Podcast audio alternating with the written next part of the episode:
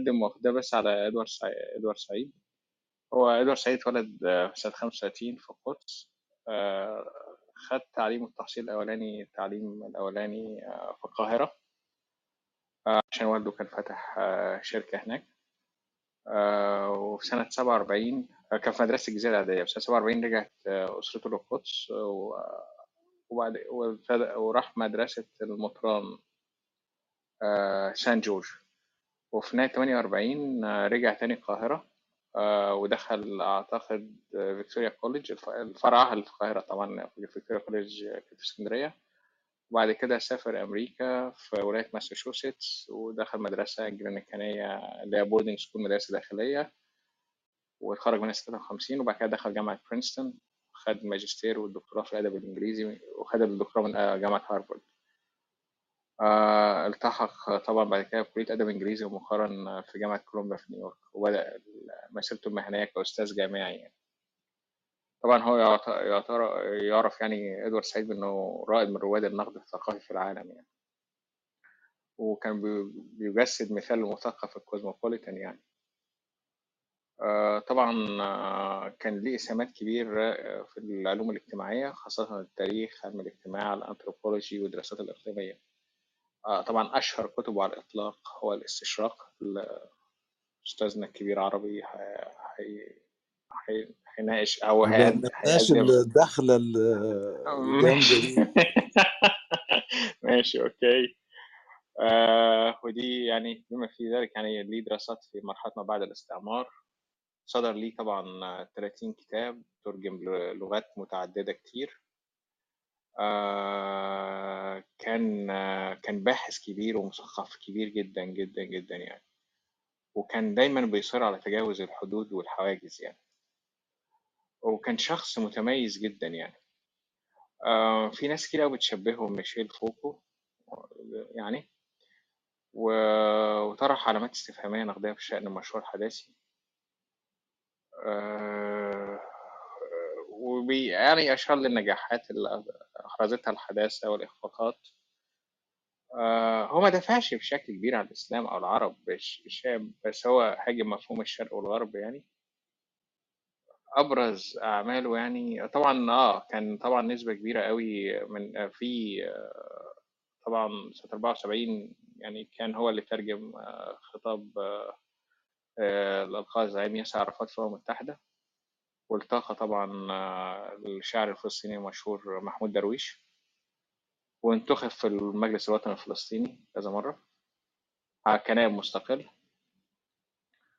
آه، توفي إدوارد سعيد سنة 2003 في مدينة نيويورك ودفن في لبنان. آه، حصل على جوائز كتيرة منهم لايونيل تريلينج كتاب آه، كتاب لايونيل تريلينج آه، جائزة كتاب لايونيل تريلينج 97 وطبعا جائزة السلطان عويس الأدبية الكبيرة وجائزة أمير أستورياس للوئام أستورياس للوئام sorry أشهر أعماله طبعا العربي في الثقافة الأمريكية الاستشراق.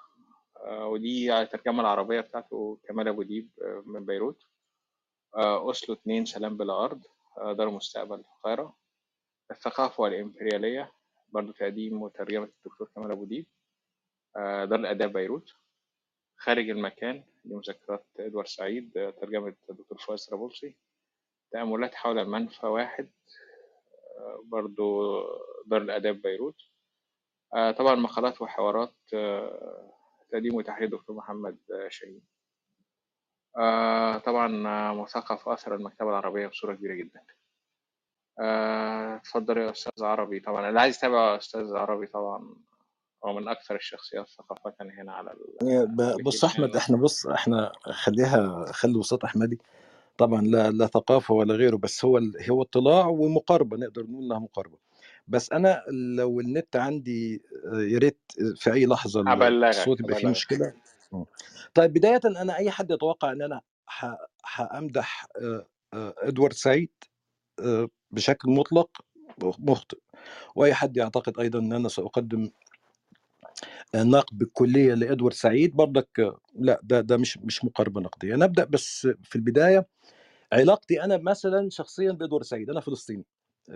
درست في الولايات المتحدة الأمريكية وكان من يعني درست الدراسات العليا وكان من المفاجآت الكلام ده من أكثر من عقد من السنين يعني أكثر من عشر سنوات لما توجهت للولايات المتحدة الأمريكية إنه اللغة الإنجليزية اللي بندرسها في الأكاديمية تختلف عن والله الواحد الاستعداد اللي كان بيعمل التويفل يعني.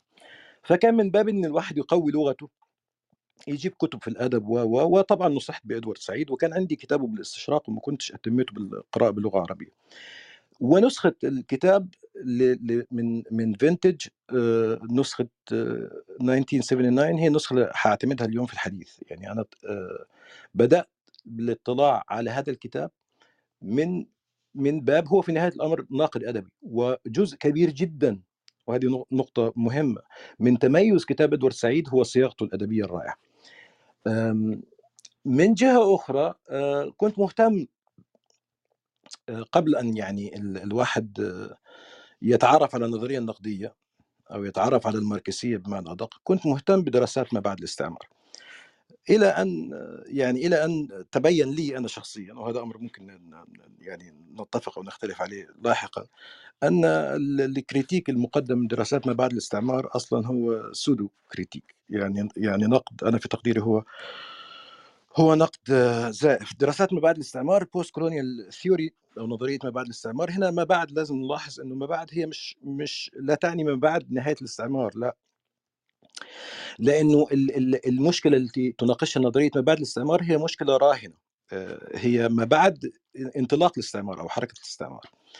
آه، هي بتهتم بال cultural engagements أو الاشتباك الثقافي ومشكلة كيف يتمكن ال subalterns وفي أيضا في دراسات التابع دول الجنوب والدول اللي خضعت للاستعمار كيف يتمكن تتمكن من تقديم نفسها للعالم وتعمل control ال self representation ومهتمه هذه الدراسات بكيف تجاوب الجنوب أو المواطن في الجنوب أو في دول العالم الثالث مع الخطاب الاستعماري كيف كان يرى ذاته ويتمثل ذاته ويتمثل الآخر من خلال هذا الخطاب وكيف يعيد إنتاج هذا الخطاب من خلال المثقفين لذلك هي آه، في البداية كانت مهتمة وتركز بشكل كبير على ال على الليترالي ثيوري على النظرية الأدبية آه، دراسات ما بعد الاستعمار لأنها اهتمت في البداية في الكتابات الأدبية التي كان ينتجها المثقفون في دول الجنوب والتي كانت بشكل أو بآخر آه، تحمل تمثلات استعمارية وإن كان يعني بشكل لا واعي أنا أنا أيضا برضك أعمل ديسكليمر أنا مش خبير في إدوارد سعيد وأيضا مش خبير في دراسات ما بعد الاستعمار.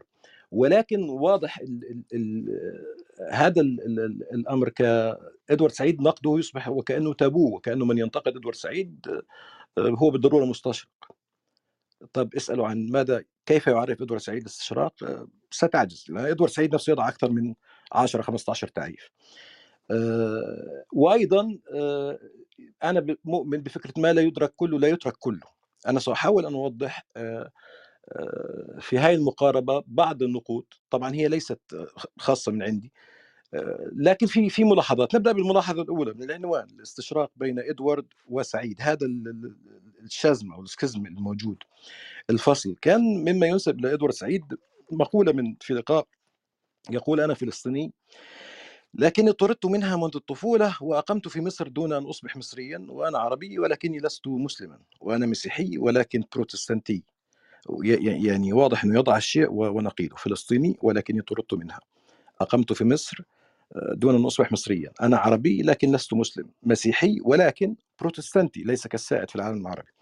واسمي الأول إدوارد رغم أن كنيتي سعيد.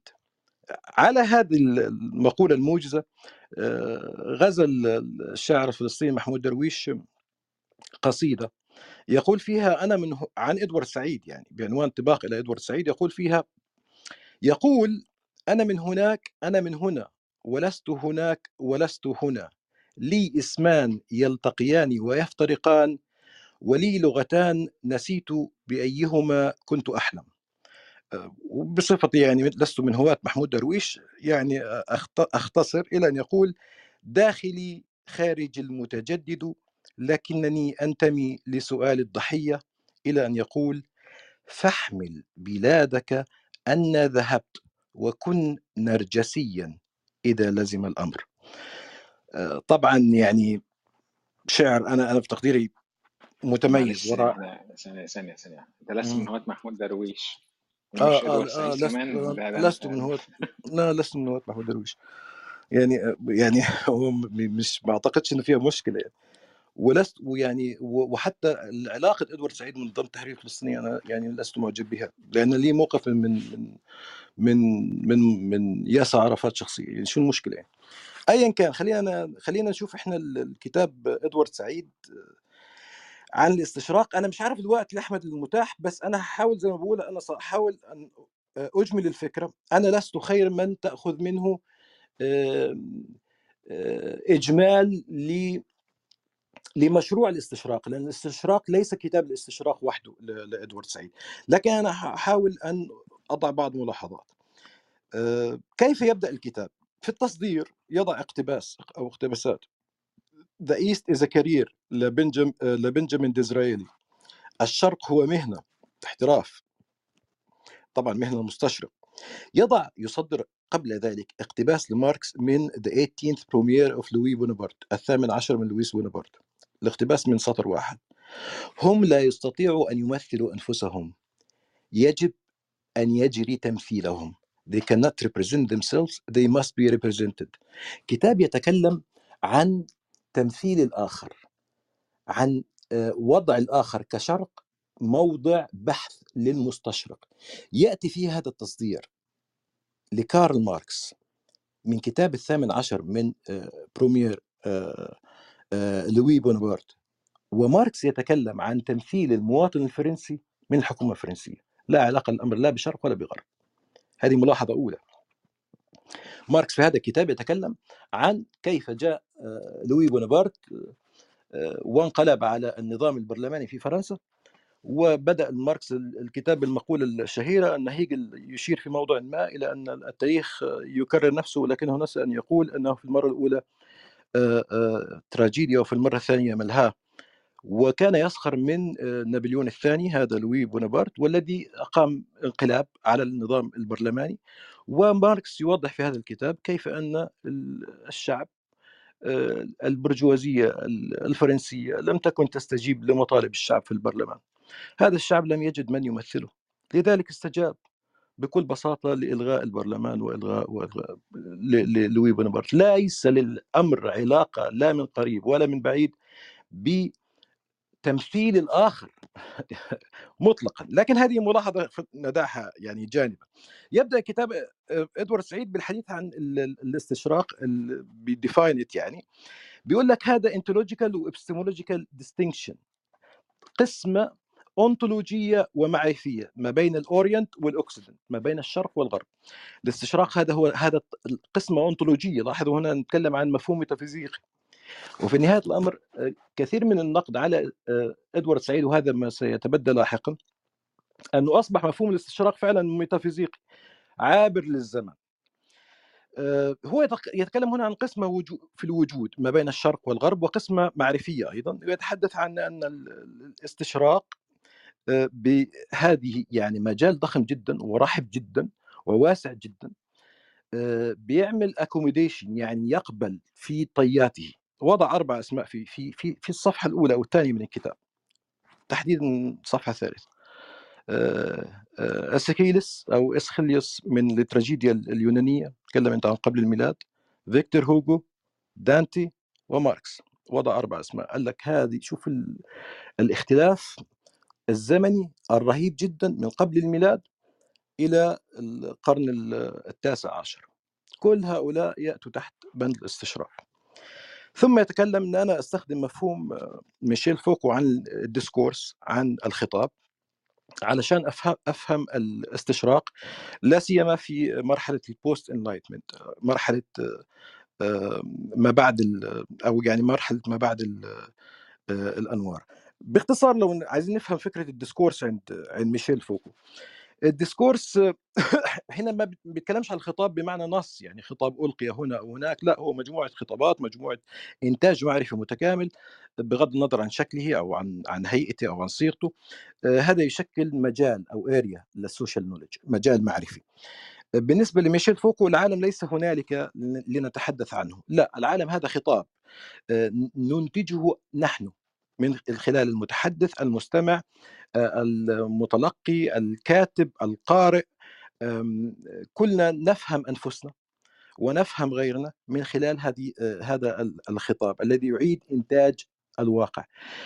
هذه الخطابات بالضرورة ال knowledge هي هي بتعمل dissemination لل knowledge يعني بت بت بتنشر المعرفة وهذه الخطابات بالضرورة مرتبطة بالقوة. هنا طبعا هنا طبعا فوكو يعني أحد تلاميذ النجيبين لألتوسير لم يأتي بجديد في فكرة الأيديولوجيا واستخدام الأيديولوجيا. ولكن هنا تحدث عن كان كان اهتمامه معني وإن كان حريص على عدم استخدام المصطلحات الماركسية كان فوكو معني بالفترة التي تحولت فيها أوروبا بالفعل برجوازية الصاعدة إلى تقريبا القرن الثامن عشر أو التاسع عشر.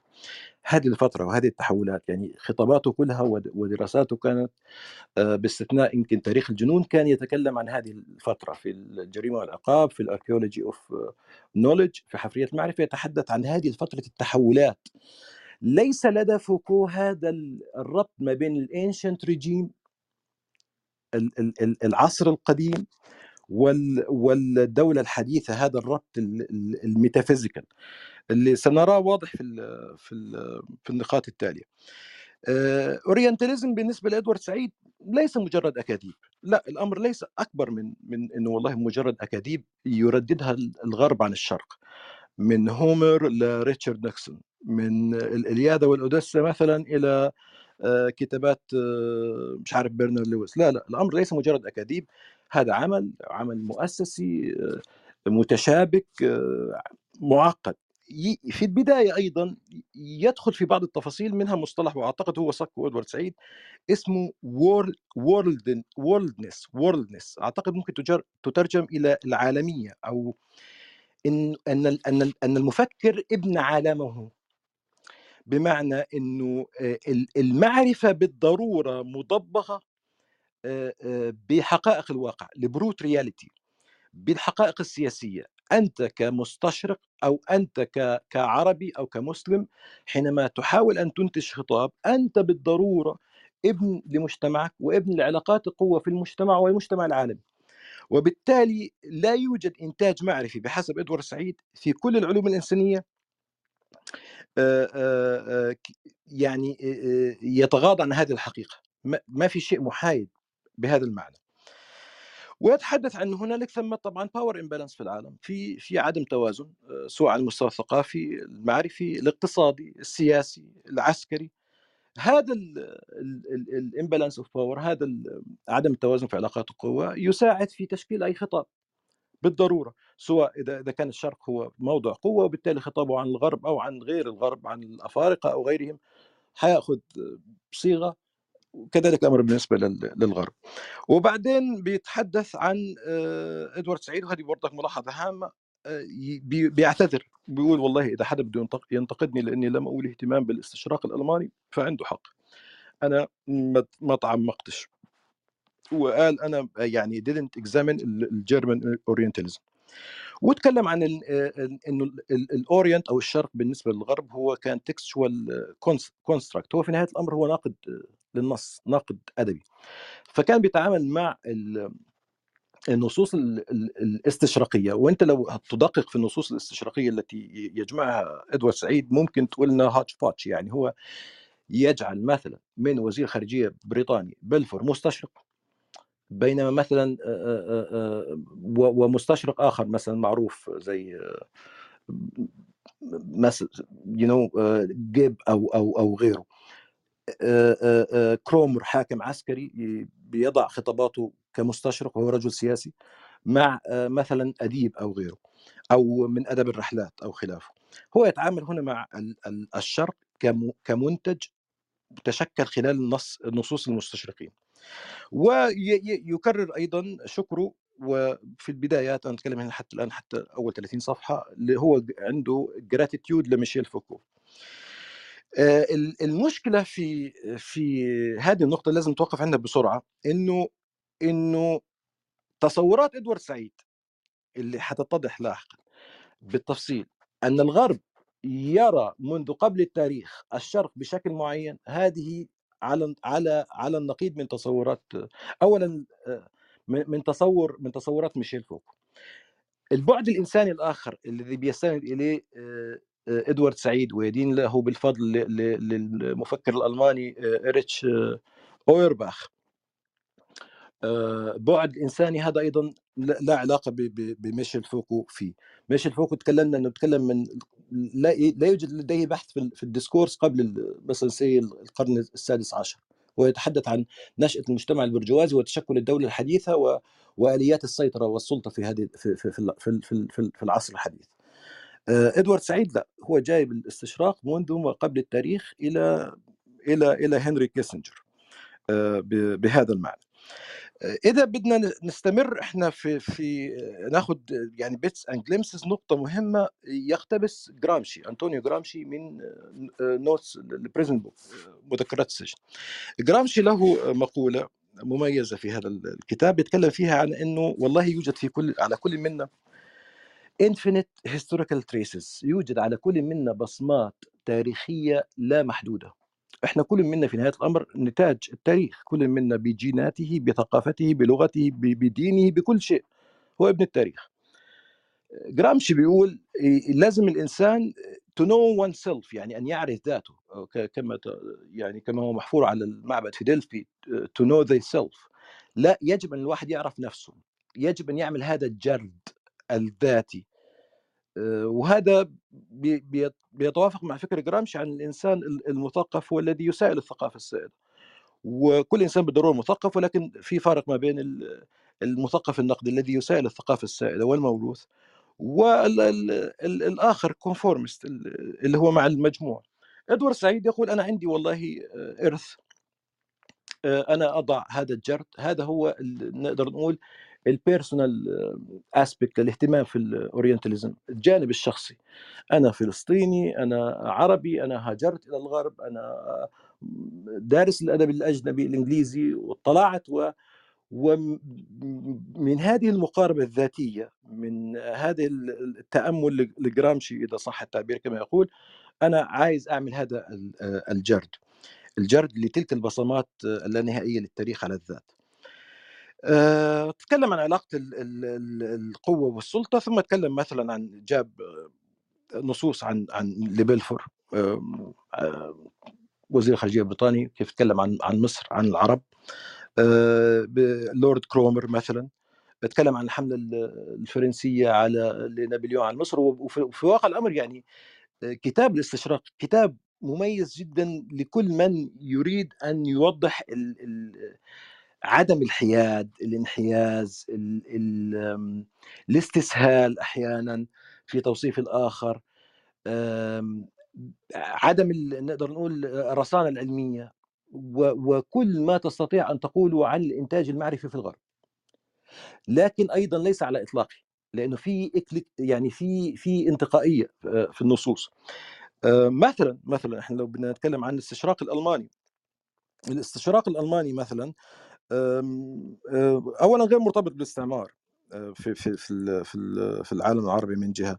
من جهة من جهة أخرى المستشرقين الألمان مقارنة بالمستشرقين الفرنسيين وال وال والإنجليز آه يبدو يبدو بنوع بنوع ما يعني آه أكثر موضوعية. الإنجليز. السبب في ذلك إنه كثير من المستشرقين الألمان كانوا يهود. وفي باحثة اسمها سوزانا هيرشل كان كاتبة ورقة من عشر سنوات تقريبا في في مجلة محكمة عن ال New German Critique عن النقد الألماني. وتتكلم كيف عن جولزهير ونولديكه والشلة هاي. كانوا أصلا غير مسموح لهم غير ال ال ال غير التعامل في هذا المجال. يعني في ألمانيا بوصفهم يهود. كان محصور عليهم العمل في هذا المجال. أنت لن تدرس ألمانيا أنت لن تدرس الغرب أنت تدرس تدرس الشرق وكذا. وهم بوصفهم يهود. وجدوا في ذلك سبيل إلى تعرية المسيحية أو تعرية أوروبا المسيحية من خلال آه، فكرة آه، بحسب يعني اقتباساتها وبحسب ما تورد في هذه الدراسة من خلال فكرة التوحيد الإسلامي اللي في نهاية الأمر صنوان للتوحيد اليهودي فيبدو لغير المدقق أن هؤلاء كانوا في مقاربتهم للإسلام نوعا ما موضوعيين والأمر لا ليس. ليس موضوعية بقدر وهو فكرة الورلدنس إنه هذا المفكر أو المستشرق أو غيره هو ابن عالمه وفي ظروف ذاتية وغيره بت... بت... بت... بتساهم في في في شكل إنتاجه المعرفي. أنا والله يا أحمد أنا شكل شكلنا حنطول بس أنا بس هنطول هنطول بس هي مدرسة الشق الألماني إلى حد كبير منصفة عن الفرنساوي أو البريطاني. ما هو ده السبب. ما هو جزء منهم كبير يهودي يا أحمد. يعني و... و... ماشي ما... ما... ما... شوف يعني أنا مش ما حدش ضد الإنصاف إحنا عايزين نقول ليه ده منصف وليه ده مجحف واخد بالك؟ إيه الأسباب الذاتية لده إنه يبقى مثلا أكثر موضوعية من الآخر؟ مثلا أصل الدكة واجنة تصير مينلي ديني فاهم؟ يعني آه آه آه آه ما هي دي برضك أحد مشاكل كلمة الاستشراق العريضة في ناس أدب الرحلات ده استشراق. خطاب لوزير خارجية استشراق مش عارف مين كل ما يضع الشرق طب ما أنت مثلا دانتي دانتي في الكوميديا الإلهية. آه, آه في الكوميديا طيب ما هو ما كانش وضع ما الشرق مش موضوعه تكلم عن شخص النبي تكلم عن علي آه تكلم عن عن جزء من الثقافة العربية لكن الشرق لم يكن موضوعه في هذه في في هذا في هذا الكتاب. غير منصف غير منصف صحيح بالضرورة. لكن هل هذا عمل وهو في نهاية الأمر عمل أدبي يخاطب فيه الجمهور. فأنت حينما تضعهم كده لوكشة واحدة الإنتاج الأكاديمي مع الإنتاج العسكري مع الإنتاج السياسي مع الإنتاج الأدبي مع أدب الرحلات مع الروايات مع يصبح في في, في الأمر إشكالية. الآن نأتي إلى نص مشكل جدا عند إدوارد سعيد أنا سأشير إليه في المهتمين زي ما أشرت أنا نسخة 79 Vintage Books صفحة 67 بيقول إنه every culture كل ثقافة تعمل ترانسفورميشنز على other cultures كل ثقافة تغير من ثقافة الآخرين هذه بسميها representation problem مشكلة التمثيل كل ثقافة بالضرورة بتعمل construction of the other ما أنت كيف حتصبح ثقافة أصلا؟ كيف ستضع حدود لأنك أنت مسلم أو أنك أنت عربي أو أن أنت اسيوي أو أنت كذا؟ تضع هذه الحدود من خلال تعيين الآخر، الآخر يحدد الانا. طيب وبتعيينك للآخر كي تتحدد انت تتحدد ثقافتك انت تعمل transformation تعمل imposing بحسب تعبير إدوارد سعيد. وهو لا يستثني في ذلك أحد. هو لا يستثني في ذلك أحد. كل ثقافة تغير من مضمون الثقافة الأخرى أو تظهرها بشكل ما.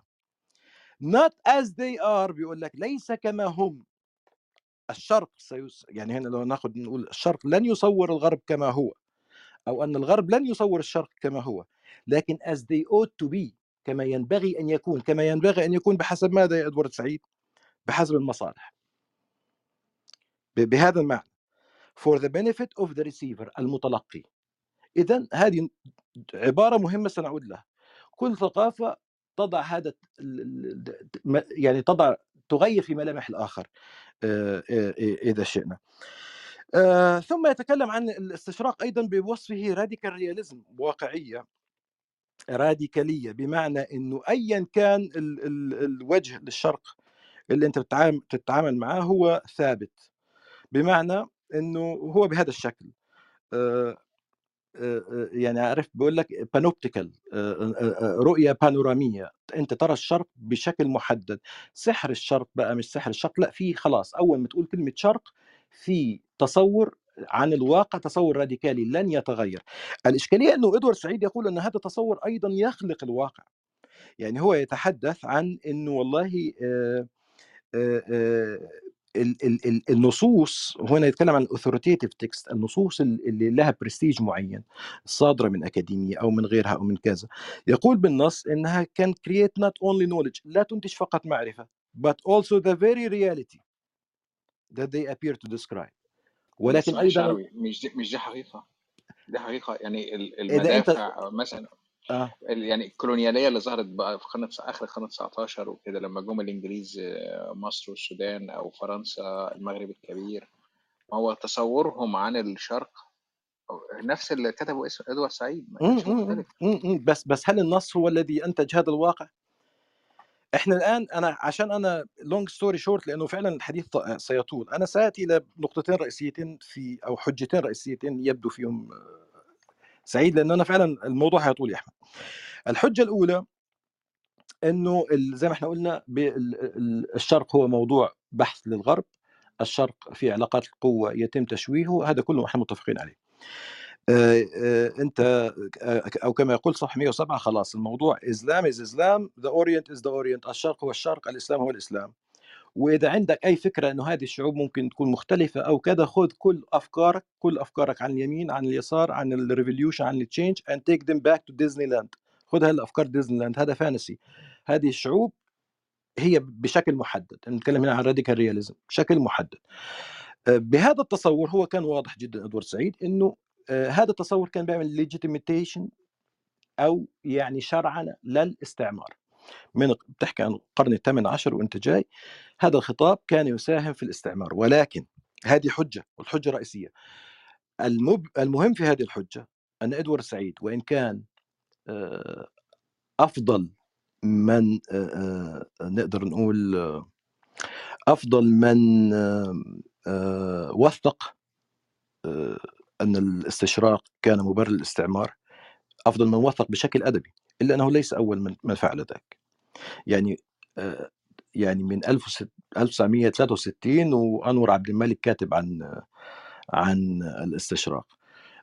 هو نفسه إدوارد سعيد في عام 85 تقريبا كتب Orientalism Reconsidered وعدد أسماء ست أو سبع كتاب منهم أنور عبد الملك عبد الله العروي طلال اسد وآخرين تكلموا عن عن الاستشراق وعلاقته بالاستعمار. وبالتالي هنا الحجة الأولى والرئيسية عند إدوارد سعيد اللي هو تواكب الاستشراق مع الاستعمار هو ليس فيها جديدا. ما هو الجديد الذي يقدم إدوارد سعيد؟ والمرتبط بفكر ما بعد الحداثي والمرتبط بفكر نقدر نقول فوكو الخطاب يخلق الواقع. يقول لك إدوارد سعيد في صفحة تجدها في في صفحة 39 يقول لك to say simply that Orientalism was a rationalization of colonial rule أن تقول فقط أن والله الاستشراق كان مجرد عقلنة للاستعمار أنه يعني يعطي مسوغ للاستعمار مسوغ أخلاقي أو غيره؟ أن تقول ذلك is to ignore to uh, معنى ذلك أنك تتجاهل خلينا نترجم باختصار المدى الذي كان فيه الاستعمار مبرر مسبقا in advance by Orientalism. Rather than after the fact. إذا أنت تعتقد أن الاستشراق باختصار كان يب... يعطي عقلانية للاستعمار بأن هذه الشعوب نحتاج نمدنها هذه الشعوب متخلفة. إذا كنت تعتقد ذلك وهذا هو التصور السائد اللي هو أن أن الاستشراق خطاب الاستشراق أو أي خطاب للآخر ينتج بغرض علاقات القوة هذا هذه هذه الحجة الرئيسية الأولى عند إدوارد سعيد. هو يقول لك هنا في هذه الصفحة واضح جدا. لا إذا كنت تعتقد أن الخطاب الاستشراق فقط لعقلنة الاستعمار أو إعطاء هذا التبرير أنت هنا تتغافل إلى أي مدى كان الاستعمار مبرر مسبقا بالاستشراق وليس بعد الاستشراق. ثم يوضح في في في في ثيمة رئيسية عنده عندك نوعين من الاستشراق ليتنت ومانيفست استشراق كامن وأسماء فصول في في كتابه استشراق كامن واستشراق معلن. الاستشراق الكامن من أيام التراجيديا اليونانية الإغريقية قبل الميلاد إلى إلى ريتشارد نيكسون وهنري كيسنجر. هذا الاستشراق الكامن الشرق هو الشرق والغرب هو الغرب. ودائما النظرة الغربية للشرق استعلائية. هذا بحسب وجهة نظر إدوارد سعيد. هذا الاستشراق الكامن. الاستشراق ال manifest أو المعلن هو اللي بيعطي للاستشراق شكل. هذا اللي بيحصل فيه ebb and flow بتزداد حدته بتخفت حدته وما إلى ذلك. وهذا اللي بيعمل بتقدر بيعمل نسق للاستشراق الكامن. يعني الاستشراق المعلن هو اللي أنت بتضعه كده كنظمة العقد مع الاستشراق الكامن فتتضح الرؤية لديك. إذا لدينا استشراق سافر واستشراق كامل بحسب بحسب إدوارد سعيد. يتحدث إدوارد سعيد أنا كي أختم ما هي الحجة الثانية لإدوارد سعيد وهي اللي تعتبر حجة مثالية على عكس التحليل المادي الأول، التحليل المادي الأول أن والله الاستشراق هو مبرر أخلاقي لواقع ماديه هي الاستعمار. الحجة الثانية التي يركز عليها إدوارد سعيد أنكم لا يجدر بكم ألا تتغافلوا عن الاستشراق كان أصلا مبرر للاستعمار قبل يعني قبل أن تشرع القوى الاستعمارية بالاستعمار. الاستشراق كان يدعو للاستعمار. فهو يقول لك هنا الليتنت أورينتاليزم أو الاستشراق الكامل هذا اختلف من جيل إلى آخر. آه، كان جزء من الثقافة كشيء كأي شيء آخر شأنه شأن أي شيء آخر. لكن staked its existence يعني رسخ وجوده هذا الاستشراق الكامل. كيف رسخ وجوده إدوارد سعيد؟ قال لك ليس بالانفتاح على الآخر ليس باستقبال الشرق بشكل موضوعي أو غيره لكن بالإصرار على تشكيل الشرق من خلال ال will to power من خلال إرادة قوة المصطلح النيتشوي. أن هذا الاستشراق الكامل رسخ وجوده من خلال إرادة القوه للسيطرة على الشرق. وإلى أن يقول إنه والله ال Orientalism أصبحت مهتمة بال accumulation of human being and territories ال Orientalism أصبحت الاستشراق أصبح موجه إلى ضم الأراضي والمستعمرات و هنا أصبح لدينا حجة ثانية غير الحجة الأولى. الحجة الأولى التي لم يأتي فيها إدوارد سعيد بجديد وإن تميز فيها بشكل أدبي وإن تميز فيها بالتوثيق الرائع وإن فضح فيها الاستشراق كان كانت حجة السائدة. واللي زي ما بيقول فريد هاليدي وغيره إنه يعني وهو نفسه في في اورينتاليزم يعني لم يأتي فيها بجديد. ان الاستشراق كان تبرير للاستعمار. الحجة الثانية لا أن الاستشراق هو الذي دفع إلى الاستعمار. الفكرة هنا هي التي غيرت الواقع. وليس أن الواقع يعني حدث حاجة لتبرير أخلاقي ليس أنه لأ بهذا المعنى أنا أنا هنا أعطيك أحد النقود على إدوارد سعيد مثلا بعيدا عن هذه التفصيلة. أنت عندك اولا ليس الشرق فقط الذي خضع للاستعمار الغربي أنت عندك الحضارات حضارات أمريكا الشمالية وأستراليا هذه هذه أبيدت. ما جاء بمعنى أبيدت الأنثروبولوجي علم الأجناس تأسس في القرن الثامن عشر والسابع عشر من بسبب الكشوف الجغرافية والاستعمار لمحاولة وضع هذا التبرير الأخلاقي للقضاء على الآخر طلعت نظريات زي ال polygenesis وال وال monogenesis هل نحن آه، أبناء آدم وحواء فقط ولا في أكثر من آدم وحواء ونظريات طورت فيها قساوسه وكتب فيها علماء و آه، و anthropologist وأخذت شكل آه، يعني علم علموي إذا صح لتبرير إبادة الشعوب الأخرى. الواقع حدث أنت هنا محتاج إلى مبرر أخلاقي للتجاوب معه بتأتي بهذا الخطاب. تأتي بهذا التبرير. لذلك في فرق بين أن تقول والله هو عنصري لأنه يضطهدني أو أو أنه يضطهدني لأنه عنصري. إذا قلت هو يضطهدني لأنه عنصري هنا يعني أصبحت الفكرة تسبق الواقع. أصبح هو هو سيء ولأنه سيء يضطهدني. لا تاريخيا هو أصبح عنصري ليضطهدك ليبرر اضطهادك. الواقع سبق الفكرة. ومن يدرس التاريخ آه، فيما يخص ال racial discourse تحديدا وهذا مجال بعيد عن إدوارد سعيد.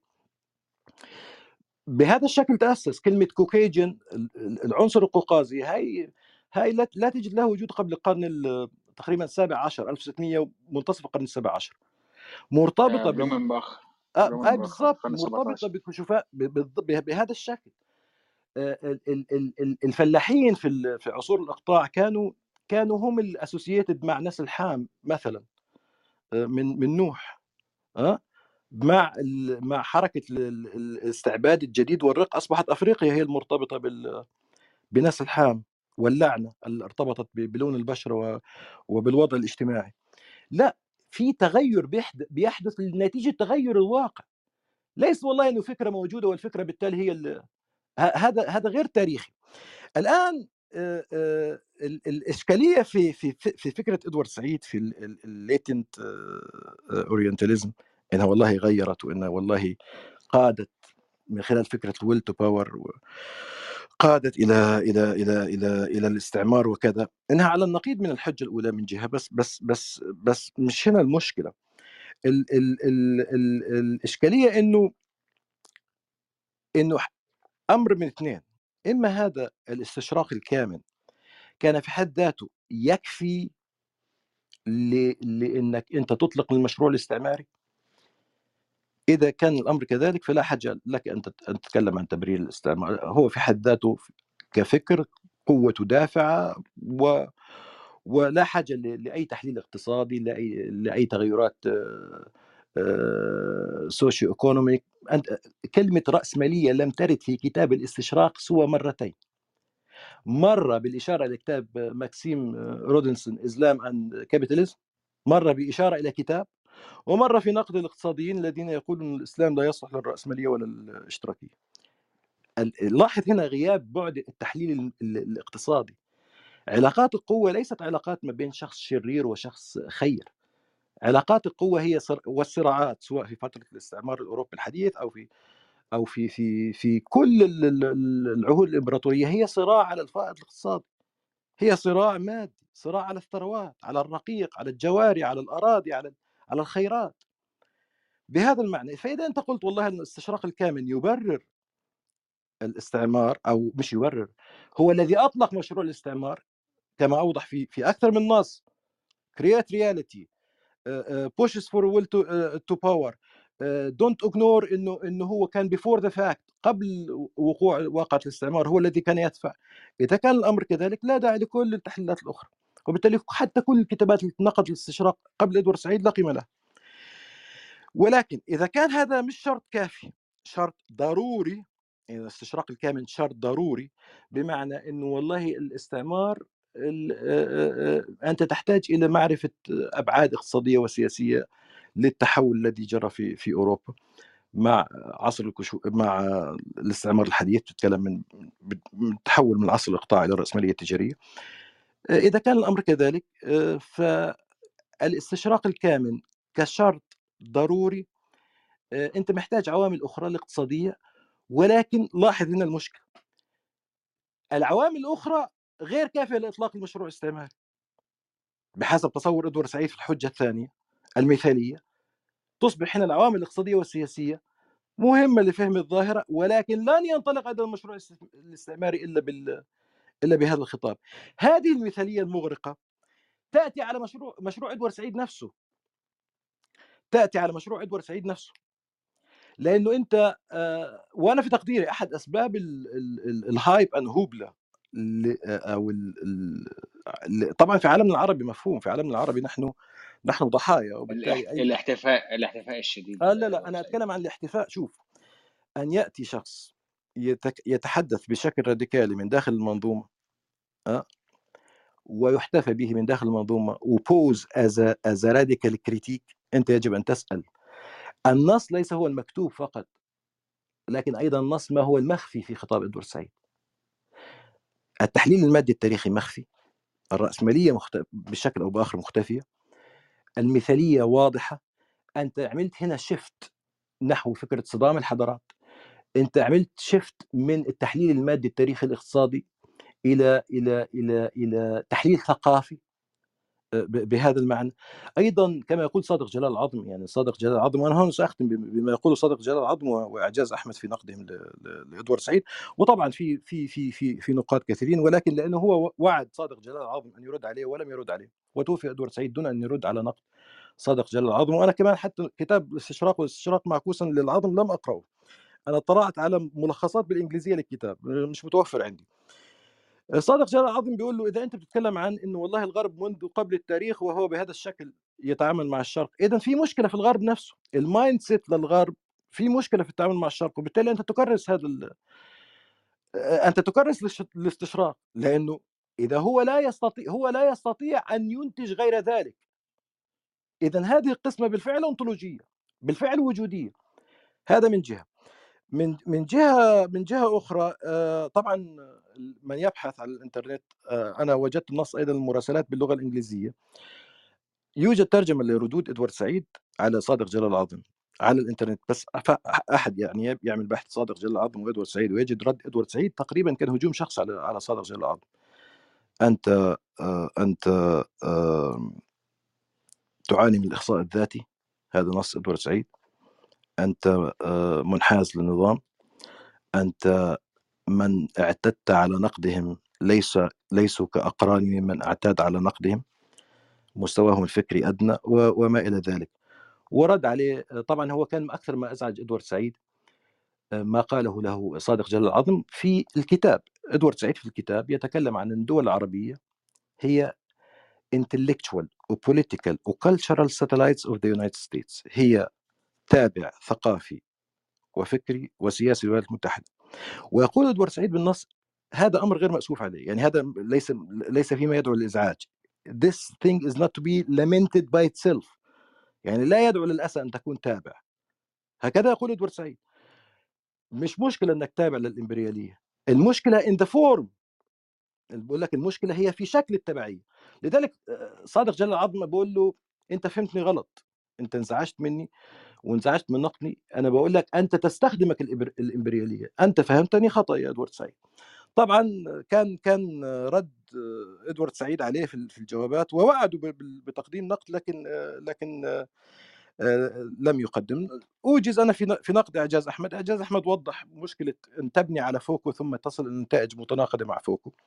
من جهة من جهة أخرى إنه أنت يا إدوارد يا سعيد متأثر وهو واضح جدا في ذلك في شخص اللي هو المفكر ايريش أورباخ. ايريش أورباخ كان مفكر ألماني عاش في في يعني يعني في فترة النازي أقام في تركيا في المنفى مثل ما كان إدوارد سعيد يقيم في المنفى. ومهتم بالأدب مثل ما إدوارد سعيد مهتم بالأدب. وكتب عن الأدب الأوروبي من ما قبل التاريخ إلى إلى فيرجينيا وولف. واهتم بالنزعة الإنسانوية أو ال humanitarian في لحظة كان يرى فيها أن النزعة الإنسانية في أوروبا تختفي في ظل صعود الفاشية والنازية. إدوارد سعيد معجب بهذا الرجل ويمدحه في الكتاب. ومن هنا يستمد إدوارد سعيد النزعة الإنسانوية والنظرة الكلية للأدب لأنه أويرباخ ده ما فعله في كتابه ميمسيس اللي أنا أشرت إليه في, النقد الأدبي. ميمسيس من قبل التاريخ إلى إلى الأدب المعاصر. هذا ما حاول يفعله إدوارد سعيد في الاستشراق نزعة إنسانية من جهة هي على النقيض من تصورات فوكو الإنسانوية هي في نهاية الأمر إيديولوجيا. فأنت عندك وتغطيه شاملة بغض النظر عن التخصصات من قبل التاريخ إلى الزمن المعاصر تغطيه في الأغلب أدبية. بهذا الشكل أنت هذا هذا هذا التأثر. فبيجد إعجاز أحمد انه هنالك مشكلة إنك أنت تكون فوكوي من جهة ومتأثر بأورباخ من جهة. النقطة الأخرى إنه أنت كمان يا إدوارد يا سعيد طبعا إعجاز أحمد هندي وفي كتابه In Theory خصص فصل عن إدوارد سعيد ليرد على فرية إدوارد سعيد فيما يخص كارل ماركس وهو رجل من الهند يعني وماركس وضح إعجاز أحمد إنه مشكلتك في نقدك إنه أنت أوضحت أن الاستشراق من القوة بمكان حتى نقاد الحداثة الأوروبية حتى نقاد الاستعمار أنفسهم لا يستطيعوا أن أن يتخلصوا من قبضته. يعني إلى هذا الشكل الميتافيزيقي تصور الاستشراق. النقد الآخر الذي قدمه إعجاز أحمد إنه إنه أنت زي هي النقطة اللي أنا حاولت يعني فصلت فيها قبل ذلك إنه أنت حذفت التحليل من التحليل الاقتصادي المادي المعروف في كل الكتابات ضد الاستعمار في كل الكتابات ضد الاستشراق بتوضح الأساس المادي للاستعمار. أنت حرفت ذلك إلى إلى فكرة صدام حضارات إلى فكرة صراع ثقافي إلى فكره بهذا المعنى. أنا أنا عموما لن أطيل لكن أنا أريد أن أختم بما يلي. إدوارد سعيد عمله يعني أكثر من رائع من الناحية الأدبية عملاق. كمؤسس لدراسات ما بعد الاستعمار لا غبار عليه. أنا أعتبر دراسات ما بعد الاستعمار كلها أصلا يعني تمهد لوعي زائف. مش مشكلة بس يعني للمهتمين. علامة فارقة في الأكاديمية الغربية. ناقد ناقد أدبي رفيع. وأنا لست يعني يعني لست أنا من من من, من يستطيع أن أن يصدر حكمه عليه في في في هذا السياق. لكن يجب إعادة الاعتبار إلى حينما نناقش الاستشراق ونناقش كيف نحن مادة للبحث لدى الغرب. يجب أن نعرف انها مادة للبحث لدى الآخرين ليس لأنهم أشرار ونحن والله طي... الناس الطيبة. هم لا يق... هم يعني لا يقاتلون لأننا نقول ربنا الله. لأنهم هم قاتلوا السكان الأصليين ولم يقولوا لم يقولوا قولتكم هذه. قاتلوا في أفريقيا ولم يقولوا قولتكم هذه. الإمبريالية بصماتها على العالم باسره من الشرق إلى الغرب من الشمال إلى الجنوب. لا يوجد خصوصية للشرق في أن يكون موضع للاستشراق. ابدا. وأن والإب ان فلو أو ما يسميه هذا في المانيفست Orientalism الاستشراق السافر الصعود وحدة الخطاب وهبوطه مرتبطة مش كما يقول إدوارد سعيد آه، والله إنه in advance لا لا مرتبطة بالوقائع على الأرض مرتبطة بتغير علاقات القوى على الأرض مرتبطة بالضرورات آه، الاستغلال الاقتصادي وما إلى ذلك. هذا يعني باختصار المقولة الفقهية الشهيرة ما لا يدرك كله لا يترك كله. إدوارد سعيد يمثل ترسانة و و و و و وثروة آه، في في ال systematic exposition لل Orientalism ومهم جدا الواحد يستفيد منه. وأنا آسف جدا على الإطالة وأعتقد يعني مزعج. وأشكركم. لا لا لا يا عم لا بالعكس ده تقديم رائع. بس أنت قلت ما تقلقش أنا ما بكسفش. لو جت مزاجك كنت قاعد بشتغل وبسمعك باستمتاع شديد عربي والله وخرجت مرتين عشان آخد ورقه شكرا جدا على حضورك. أنا فرحان إنك معانا النهارده جدا. فرحان إن أنت موجود آه، أول مرة معانا وكان نفسي أكون يعني ما يكونش في أكل عيش بس أنا آسف والله بعتذر وأنا مستمتع جدا جدا انت ما طولتش خالص. شكرا جدا ليك وشكرا لك أسمعك وأكمل. لا أنت ذكرت لا ده عربي ده مولانا. آه أنت ذكرت آه إن اللي ربطوا الاستشراق بالاستعمار كان قبل إدوارد سعيد. آه دكتور أنور عبد الملك ودكتور عبد الله العروي. ومين التالت؟ أنت ذكرت واحد تالت. بس عشان أتذكر معاك.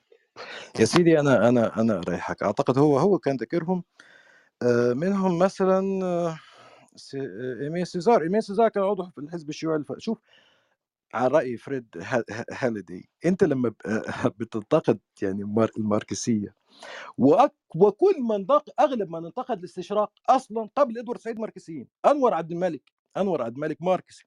وانور عبد الملك حتى حينما كان يتكلم عن الاستشراق الروسي كان يشير إلى علاقة ذلك أيضا والخطاب هذا في في في علاقات الاتحاد السوفيتي يعني الاختلاف مثلا كيف الاتحاد السوفيتي في في مشاريع التنمية وما إلى ذلك. لكن أنا ساتيك بالنص من إدوارد سعيد نفسه.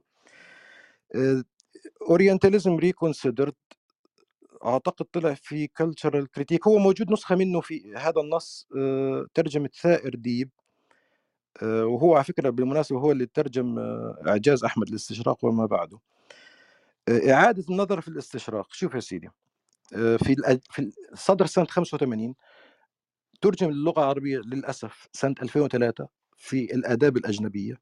يقول في صفحة 70 من الأداب الأجنبية في العدد المذكور إن ما قلته في الاستشراق كان في جوهره قد قيل من قبل على لسان.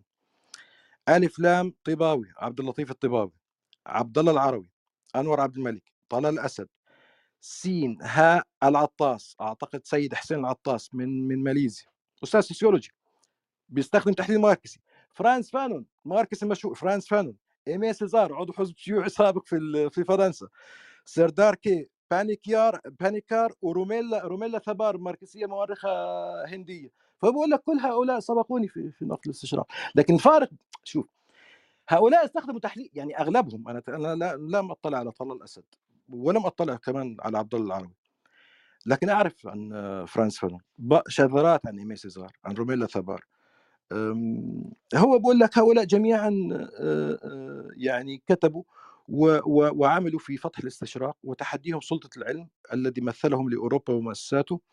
وكانوا ممن عملوا على فهم أنفسهم بما هو أكبر مما قاله ذلك العلم عنهم. يعني هو عايز يشير إلى أنهم لم يأخذوا حظهم من من الشهرة.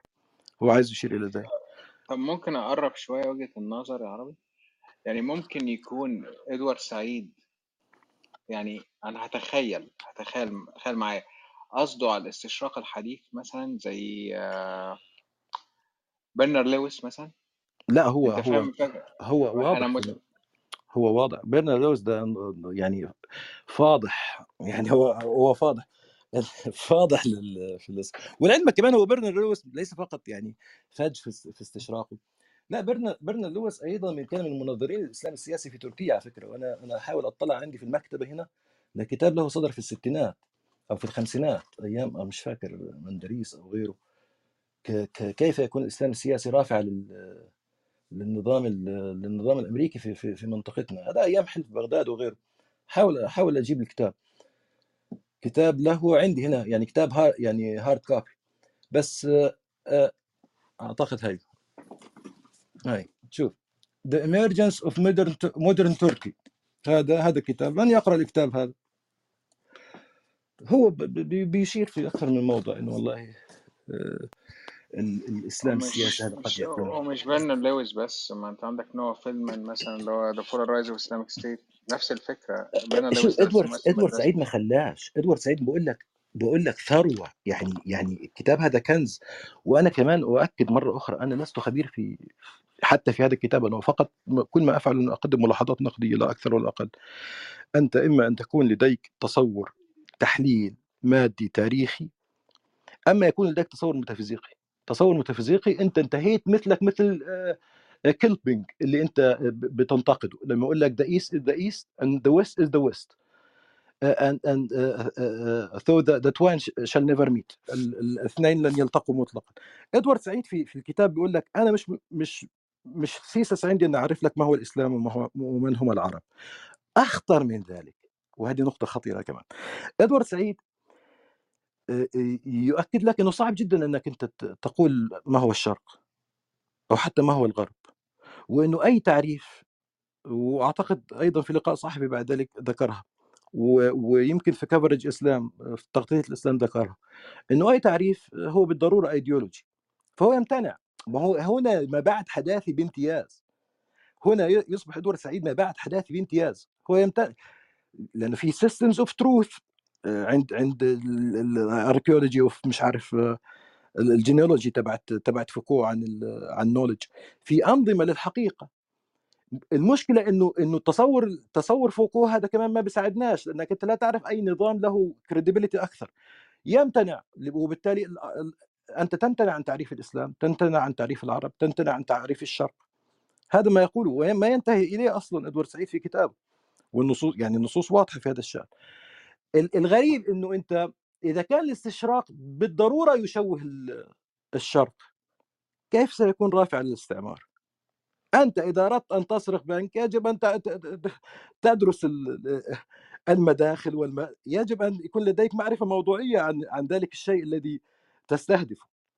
هذه كمان من من مشك... من المشكلات عند ادوارد ولذلك هو برضك هو خد بالك كمان يعني الواحد ما يكونش نقده فيه خفة لأنه إدوارد سعيد بيستخدم qualifications أنا كثيره عايز يعني أقول لك مم. عايز أقول لك حاجة دكتورنا مأمون فندي بعت أنا حطيته على ال- ال- ال Telegram channel فوق فيسبوك post ال- يعني بيأيد كلامك يعني إلى حد كبير آه، دكتور فندي بيقدم آه، طرح يعني هو طويل شوية بس فيما معناه بدل الاستشراق الاستكراد يعني. هو post ظريف هبعته لك عربي بس هو أتمنى لو الدكتور مأمون يعني عنده وقت ويقدر يشرفنا يحكي فيه أكتر. آه فبس يعني أنا حطيته في التليجرام channel فوق يعني.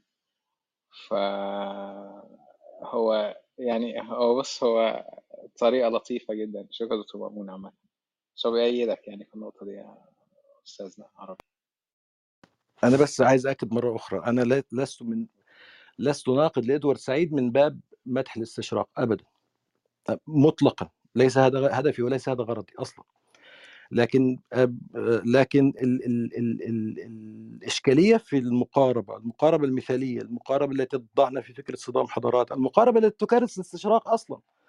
بالتأكيد على أن الغرب منذ قبل قبل الميلاد وهو عاجز عن عن توصيف الشرق بشكل موضوعي، مع إقرارك أنت يا ادوار سعيد أنك انه يوجد صعوبة في في أي توصيف موضوعي. ومع إقرارك أنت أن كل ثقافة بالضرورة تضع بصمتها على الآخر وبالضرورة constructing the other. طب إحنا محتاجين هذا الربط الربط الذي كان موجود وبشدة وبوضوح في أغلب الكتابات الناقدة للاستشراق والتي كانت بالضرورة ماركسيه نأتي إلى كتاب الاستشراق الرأسمالية لا ترد فيه إلا مرتين كك... الكلمة لا ترد إلا مرتين باستثناء المراجع مرة منهم بعنوان كتاب يعني يعني ليست حتى في سياق ناقد إدوارد سعيد ومرة ومرة منهم بش- بشكل ساخر عن إنه الإسلام البعض يرى إنه الإسلام لا يصلح آه،. إنه ال rubric لل socialism أو ال capitalism لا يصلح للإسلام يعني, يعني لم لم لم يناقشها بشكل موضوعي ابدا لكن زي ما قلت لك هي مشكلة.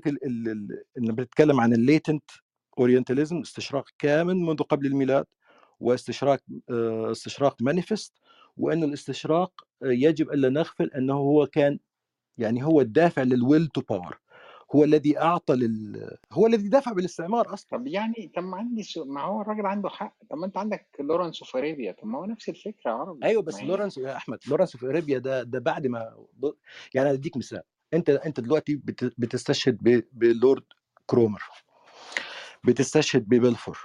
طب ده وزير خارجيه وده لا حاكم عسكري بلفور ده ده است- ده بلفور هو اخطا أخطأ في بلفور بس لورد كرومر لا لا لا آه. يا سيدي هو هو هو استع... هو already استعمرك. ماذا ماذا تتوقع منه أن يقول. أنا مش أنا مش بقول إنه هو صح لكن أنت ما, ما ينفعش تقول والله هو هو الدافع للاستعمار للفكر الاستشراقي يعني وكأنه الساسة وكان ولعلمك يعني لل يعني كل التحليلات مثلا ال liberals حتى ال liberals اللي اللي كل مشروع الاستعمار أصلا كان في في بشكل أو بآخر والهيمنه في نهاية الأمر الليبرالية. حتى ال liberals لما يجي ينتقد مثلا say الحكومة الأمريكية في احتلال العراق بيشير إلى مصالح. يقول لك ديك تشيني هالبرتون بيشير إلى مصالح معينة. بيقول لك مثلا ال political ambition آه ال- لا لا لا هتلر أو غيره. ما ما ما فيش حاجة اسمها إنه ال cultural analysis في في تصرفات الدول ده ده شيء لم يأتي به إلا إدوارد سعيد. وهنا المفارقة أن هذا الرجل العلماني بالضرورة الإنساني بالضرورة يصطف في تحليله في نهاية الأمر إلى معسكر يقسم العالم إلى فسطاطين شمال وجنوب شرق وغرب كفر وإيمان. هذه هي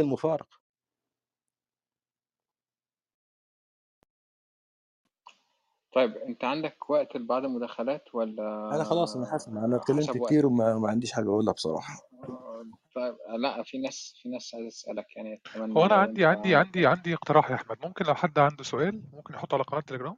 ولو حد عنده طرح أو حاجة ممكن يطلع يقوله. فاهم؟ بحيث إن إحنا ما ما نضيعش الوقت في إن إحنا الناس بتطلع تسأل أسئلة فتلف يعني ممكن نعمل كده. ماشي. لا ماشي. طب إسلام عنده سؤال في الأول قبل ما أرجع لك تاني. اتفضل يا إسلام. هو إسلام مش عارف يفتح المايك طيب هو كان فمش السؤال السؤال السؤال آه، إزيكم؟ إزيك يا أنا سل... أنا أنا طالعة أسلم استنى يا أحمد هقول كلمتين وأنا آه، طالعة أسلم على عربي واوصله صوتي أنا وإسلام عشان إحنا بنكتب لهم في الشات ومحدش بيقول لك أنا وإسلام بنشكرك على حضورك يعني النهارده ومبسوطين إحنا كمان. بس عشان بقالي كتير عمالة أكتب لهم على الشات قولوا قولوا ومحدش بيقول يعني. الشرف. الشرف لي يا عزيزتي برديس لونج لونج شكرا ليك يا عربي تحياتي شكرا ليك طيب هو السؤال عربي من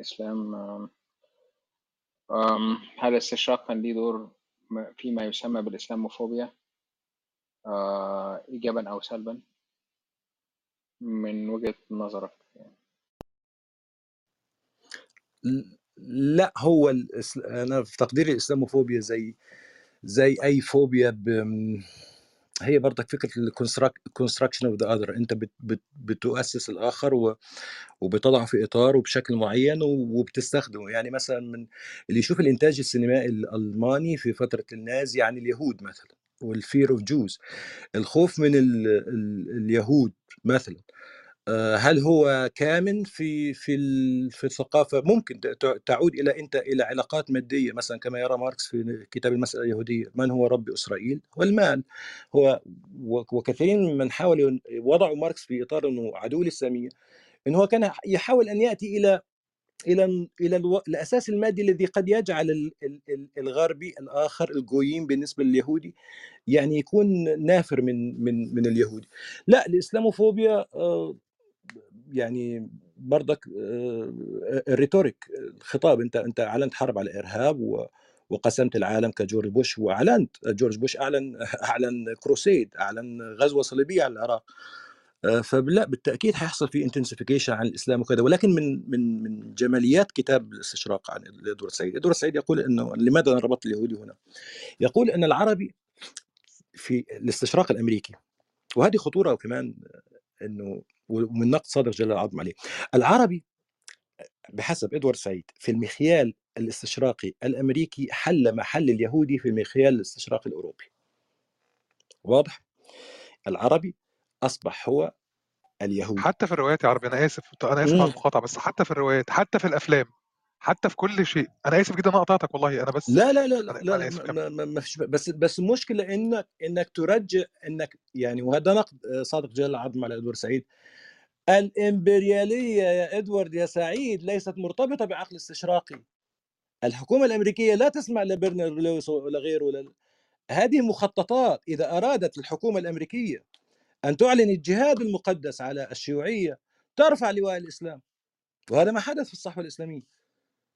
ترفع يعني بكل بساطة ويصبحوا مسلمون من الغد. ال- لا هم يد- يدركوا جيدا ماذا يفعلون. يعني لا المشكلة في التصور الذي بيتعامل مع العالم بمنظور ديني. وهذه هي مأساة إدوارد سعيد. وللأسف هو نفسه لاحظ ذلك- ومقربين له كتبوا أنه هو شاف أنه الاستشراق أصبح آه، يعني مدعاة آه، للخطاب القومي للخطاب الإسلامي أنه والله نحن أبرياء من كل ذنب. وهو كان منزعج من ذلك لكن لكن بصراحة لم آه، ما عملش qualifications لحجته. لأنه أنت في نهاية الأمر أنت حتى هو يقتبس من جوزيف كونراد وهو أصلا عنصري شديد العنصرية. له كتاب له the Heart of Darkness أعتقد في أحد الفصول. نص على لسان أحد الشخصيات في رواية في قلب العتمة أو the Heart of Darkness أنه كيف أن الإنسان ينحني أمام الفكرة bow لل idea الفكرة فكرة الاستعمار. إدوارد سعيد يرسخ المثالية وكأنه هنالك فكرة فكرة will to power over the Orient هذه حاكمة ومستحكمة في في في العقل ال- الغربي. الإشكالية أن هذا نقد غير تاريخي اهيستوريكال غير تاريخي. وبالتالي أنت تكرس. وه- وهذا هو الاستشراق المعكوس. يصبح الغرب بالضرورة سيء الغرب بالضرورة غير موضوعي الغرب بالضرورة غير محايد وهذا غير صحيح. طب هو غريب عربي أنت ما لجأتش خالص لمهدي دكتور مهدي عامل يعني مناقضه لكتاب الاستشراق؟ يعني لا لا لا لا أنا ما قدمتش النقد الماركسي. أنا كل ده ده, ده ملاحظات خارجية إحنا لسه ما النقد الماركسي ده هيبقى في الأطروحة في المنتدى طيب ماشي okay. هيبقى أعمق سنة من ده. شكرا يا عربي طيب اتفضل يا أستاذ نبيل.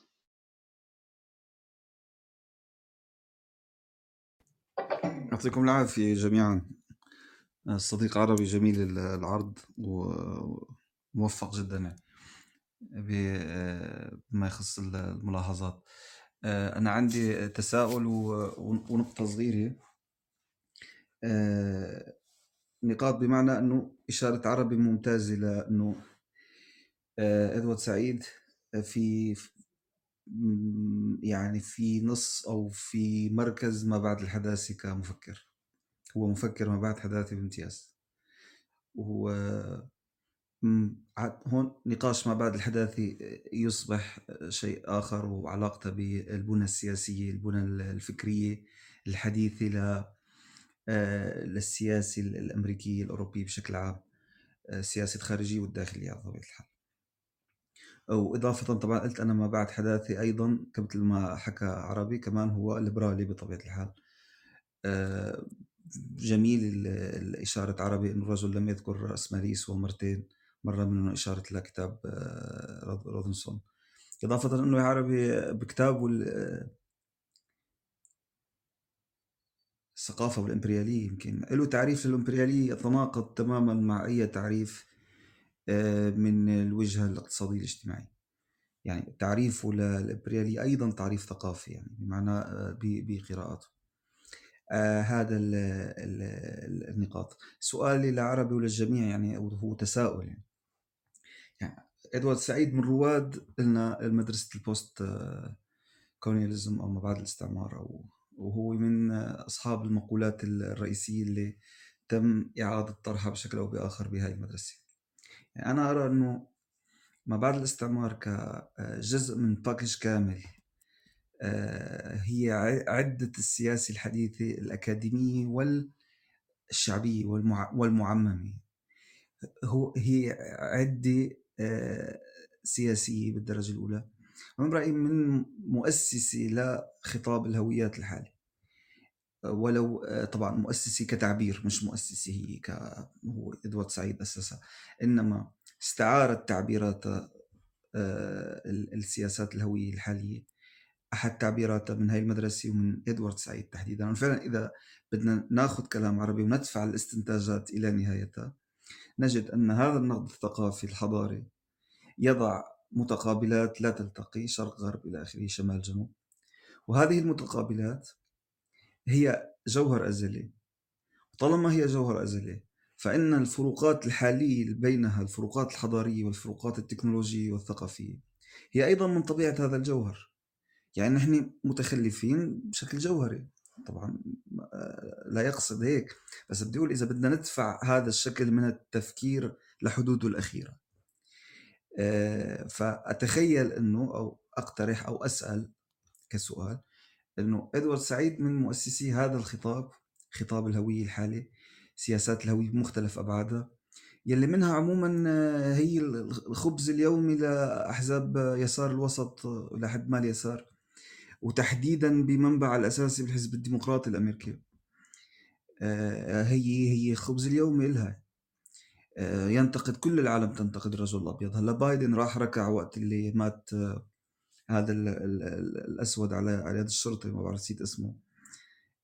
وقتها ركع كاعتذار من الرجل الابيض فهي الأساتذة الجامعات بالاكاديميا لهم في عندهم تبني خصوصا بمجالات العلوم الإنسانية بطبيعة الحال يتبنون هذا الشكل من التفسير الذي في ظاهره إنساني وفي باطنه. آه، يحمل يحمل نزعة تفوق ذات التي تنتقد بمثل هكذا خطابات. فأنا هذا التساؤل حبيت أطرحه. هل فينا نعتبر إدوارد سعيد من حيث لا يدري أو يدري هذا الشيء خارج السياق آه، من مؤسسي خطاب الهوية المتداول حاليا في الأكاديمية والسياسة الغربية؟ وبرجع بقول آه، عربي كتير سعيد أنا بالتعارض تبعه وبتمنى تكون الغرفة مسجلة مشان الواحد يرجع له يعني. شكرا جزيلا. الغرفة مسجلة ولو عربي حابب إحنا عندنا على SoundCloud و يعني وفي كذا كذا منصة ويوتيوب ممكن ننزلها عليهم كمان. بس هو هناخد اذنه يعني. إذا حب إحنا ممكن ننزل والله بص أنا أنا أنا يعني spontaneous احمد البيدي قال أحمد البيدي قال إن هو يعني يعني إذا كنت حابب ممكن انزلها مش حابب ممكن لما العرض يكتمل حتى في نسمعها الأول لأن أنا بقول لك أنا شوية ملاحظات وشوية أفكار وأنا كنت أصلا من قيمة سنة كنت كاتب يعني زي عايز أعمل بحث كده بحاجه كده لماذا جرامشي وليس إدوارد سعيد أو أبي مصعب السوري؟ ليه أبعد أنا عن الفكر السلفي وأبعد عن الفكر التفكيكي؟ المباعث حالاتي مشكلة مشكلة لأنه يبدو راديكالي المشكلة أنه يبدو راديكالي ويبدو ناقد لكنه لا يشير لك إلى طريق الخلاص طريق الخلاص بالضرورة ايديولوجيا وبالضرورة مسيحاني وبالضرورة خلاصي وبالضرورة يقود إلى توتاليتيريانزم يعني. فأنا كنت بهذا إنه هذا ليس نقد هذا وعي وعي زائف ليس وعي نقدي فإذا تسمح لي أنا في الإشارة للسؤال آه، مسموع الصوت؟ مسموع جدًا. مسموع. آه، آه، في ال ال النقطة اللي هي آه اللي أنا أشرت إليها إن هو بيقول لك أنا this is not the thesis of the book إن أنا suggest there is such thing as a real Islam. أنا ما أقدرش أقول لك إنه في إسلام حقيقي. عرب أو what أنا لا أشير لك وأنك إذا فعلت ذلك أصلا تسقط في باب الإيديولوجيا.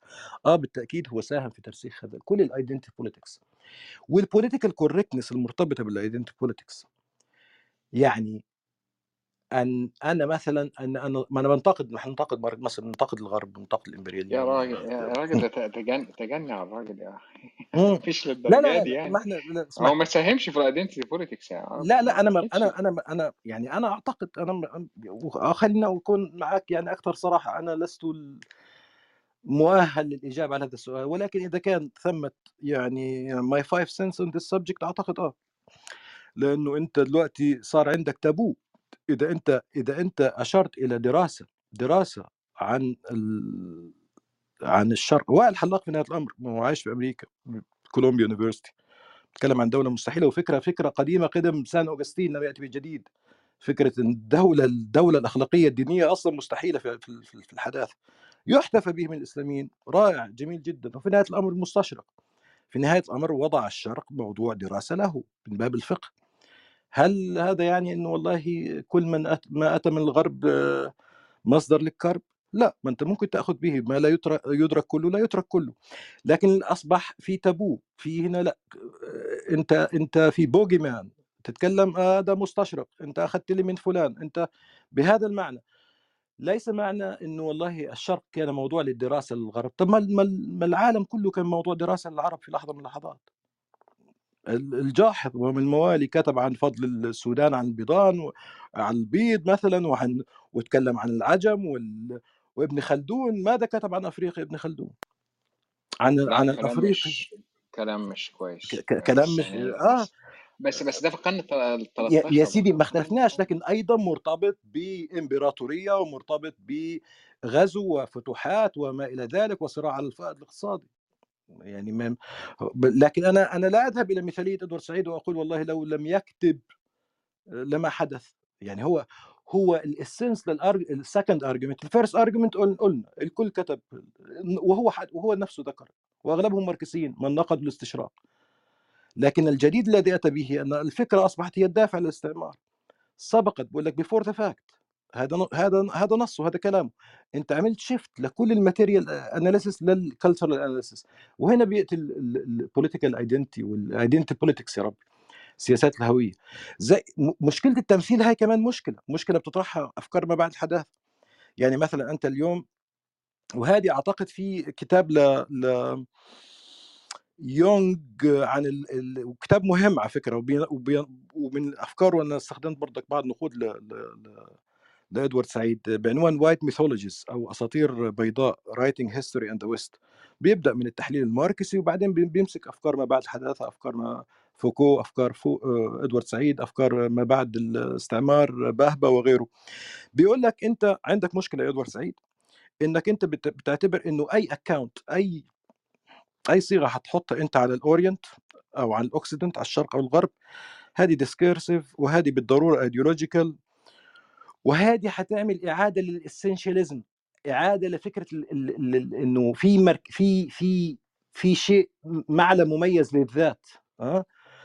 أنت أنت هنا وقعت في مشكلة وبقول لك على المستوى النظري مثلا النسوية تواجه نفس الأمر. هل ال ال ال إذا كانت المرأة مثلا هي category أو مقولة constructed by the man هي مقولة أنشأها الرجل إذا كانت المرأة بهذا الشكل يجري تعريفها في المجتمع الباترياركي بهذا الشكل.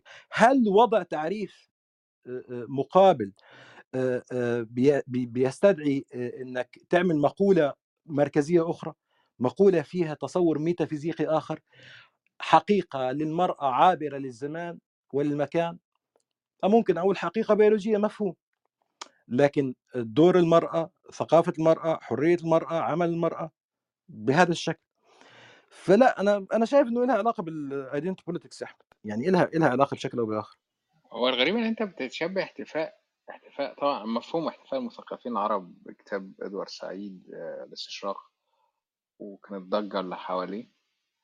آه بس أنت بتشبهه هو احتفاء بالكتاب الدواء المستحيل للدكتور وائل حلاق بنفس الفكرة. آه وعلى فكرة الاثنين الاثنين يعني يعتبر من خلفية قريبة فلسطينيين أمريكيين آه أمريكيين بس آه أنا كنت مستغرب احتفال في الإسلاميين يا سيدي أنت أنت شوف مقابلة وائل حلاق في الجزيرة. أنا معلش اسمح لي وائل حلاق في الجزيرة المذيع بكل سذاجة. أنا طبعا لا أحب الجزيرة أصلا بس أيا كان. المذيع بكل سذاجة يعني منبهر بكيف أن هذا المسيحي يمدح في الإسلام وتكاد عينيه تدمع. ثم يسأله بكل بلاهة إن كان الأمر كذلك يعني واللي واللي يريد أن أرسل له المقطع بالدقيقة بالثانية. يعني لماذا لم تسلم؟ هو فعلا لو كان الأمر كذلك لماذا لم تسلم؟ it's career it's business الكتابة والعمل الأكاديمي business يا إخوان. أكل عيش زي ما الاستشراق أكل عيش. السؤال ليس شهرة وائل حلاق في في الشرق الشرق مضطهد في نهاية الأمر شأنه شأن الجنوب العالمي. وأنا أؤكد مرة أخرى هم لا يضطهدون هايتي لأن هايتي تقول ربنا الله. استيقظ أيها المسلم. هم لم يحتلوا جامايكا لأن جامايكا تقول ربنا الله. انت احتليت في يوم من الأيام لأنك تقول ربي الله؟ هذا هذه هذا حقيقة. فما حدا يلعب لي بالمثاليات و... ال... ال... السؤال مش شهرة وائل حلاق ودور سعيد في العالم العربي لا لا. السؤال هو شهرة إدوارد سعيد في الأكاديمية الأمريكية. السؤال هو لماذا اشتهر في داخل الأكاديمية الأمريكية؟ ولماذا اشتهر علم ما بعد الاستعمار؟ ولماذا انحرف التحليل المادي التاريخي الماركسي مع آه، صعود فكر ما بعد الحداثة في السبعينات? إيه إيه إيه وأخذ هذا المومنتم هذا هو السؤال يا أحمد. مش إنه اشت- في العالم العربي. ما إحنا ما إحنا ما أي حد حي... حينتقد الإمبريالية والغرب إحنا معاه. أنا المشكلة لا لماذا الأوساط الأكاديمية في الامبري في قلب الإمبريالية الغربية تحتفي بادوارد سعيد هذا هو السؤال المحتاج إجابة. شكرا يا أستاذ هشام. هشام جلتش مو إزيك يا مو؟ مو مستنيك على عرب. اتفضل يا مو. السلام عليكم. عليكم السلام إزيك؟ جميل؟ سيفترسنا مو؟ لا لا لا. يا الأخ الرفيق عربي. هو هشام رجع؟ والله يا ناخد أنا هشام الأول. هشام رجع. ممكن آه، طيب عربي. ما فيش مشكلة. أنا ما أعرفش هو عنده نت فيه الله مشكلة ولا لأ. هشام أنت موجود؟ مساء الخير. مساء النور. مساء النور. أنا مسموع؟ إن شاء الله. مسموع. أنا آسف. أنا مسموع إذا ممكن حد حضرتك مسموع بس واضح إن حضرتك اللي مش سامعنا حضرتك سامعنا يا هشام؟ طيب واضح إن القدر عايزك أنت اللي تتكلم. اتفضل. ما فيش مشكلة.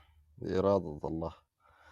آه، أول حاجة أنا سعيد آه، بإنه ناقش الصديق الأستاذ عربي وسعيد بإنه النقاش هو عن إدوارد سعيد وكده.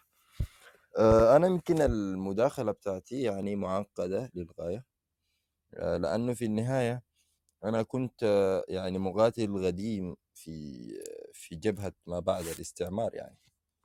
آه، وأيضا حصلت لي يعني إعجاب آه، يعني لحظي بالنقودات الماركسية لما بعد الاستشراق تحديدا في منطقتنا يعني صادق جلال العظم ومهدي عامل وغيره. آه، قبل أن يخلصنا الله مثلها منها مثل ما خلصني ما بعد الاستعمار. آه، الحاجة اللي عايز يعني انه ال- النقد ما بعد الاستعماري واضح إنه فيه إشكال اساسي يعني ال- الإشكال ده يعني أفضل من يوضحه هم آه، ال- ال- اللي أنا بسميهم يعني الانتقاد الداخلي للمدرسة نفسها اللي قدموه آه، حميد دباشي في كتاباته ما بعد الاستشراق المعرفة والسلطة في زمن العولمه والإرهاب وكذلك كتاب وجوه سمراء واغنعه بيضاء ومؤخرا وليس بآخر كتابه عن الربيع العربي آه، اللي بيحاول يعني ملخص أو خلاصة ما يريد أن يقوله حميد دباشي إنه يعني إدوارد سعيد عندما كتب. كتاب الاستشراق هو لم كان ينعي رجل ميت يعني أو كان يعني بيرفع في العزاء يعني زي ما نقول في السودانيين وكده كان ينعي رجل ميت وأنه الاستشراق الذي حاوره إدوارد كان بمثابة رساء ل... لميت يعني يعني مات من زمان وكان بيقول لهم يعني إكرام الميت دفنه. المرحلة ال- ال- ال- المرحلة الحالية أو المرحلة إدوارد سعيد تحديدا نهاية السبعينات وبداية الثمانينات هو نشأت مسألة إمبراطورية سياسات الهوية. اللي تم توظيف الخطاب نقد الاستشراق كما تم توظيف خطابات النسوية وتم توظيف خطابات السود وتم توظيف خطابات يعني ال- الهويات المضطهدة والمظلومة لإنتاج أيديولوجيا الهيمنة من دون هيمنة. فلذلك حميد دباشي بيتكلم عن فكرة هناك ضرورات نظرية ومنهجية للانتقال من بارادايم نقد الاستشراق الكلاسيكي إلى بارادايم سموه ما بعد الاستشراق اللي هو فكرة إنه يعني الحدود ما بين الشرق والغرب وجغرافيا الأفكار التي ظل ينتقدها إدوارد الآن انتهت.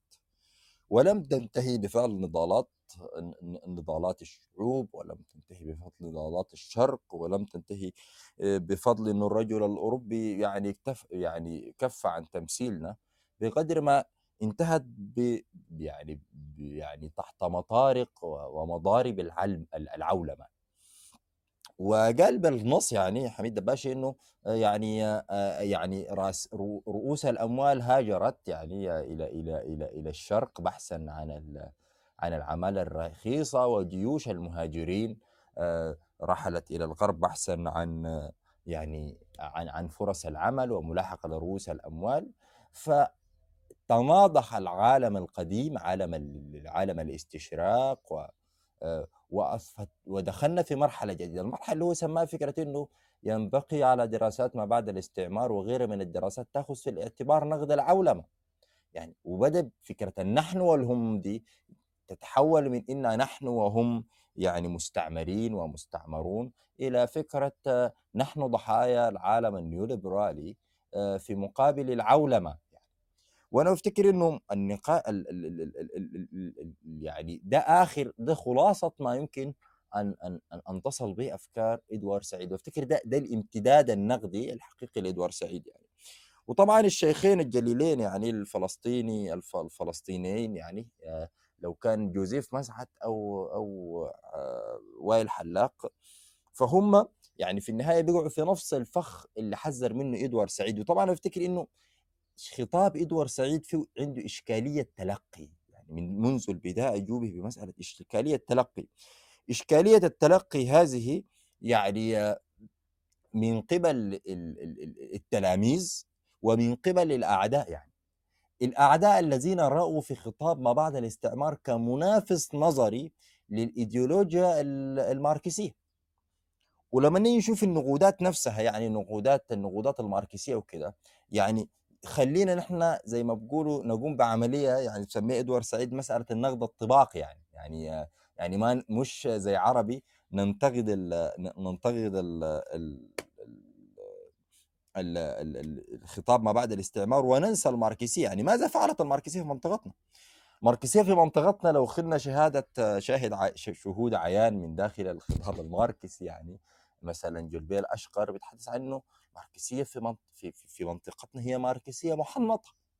ماركسية لم تنتج أي شيء يعني ماركسية آه، يعني يعني يعني يكفيها زهوا إن إن إن إنها تغرد المنهج الماركسي ومدى تعبيره عن الواقع وكذا لكن في النهاية لا توجد قراءات يعني. الواقع هذا يعني لم نجد دراسات وتفاسير تستند إلى المنظومة الماركسية لتفسير الواقع. بل بالعكس أنا بالنسبة لي يعني آه، في في في في في في, في منطقة يعني تشهد مسألة تفتت ال تفتت ال ال ال ال الجماعات الوطنية وصعود الطائفية والأقليات وجيوش ال NGOs والديمقراطية المحمولة بالدبابة الأمريكية وكده.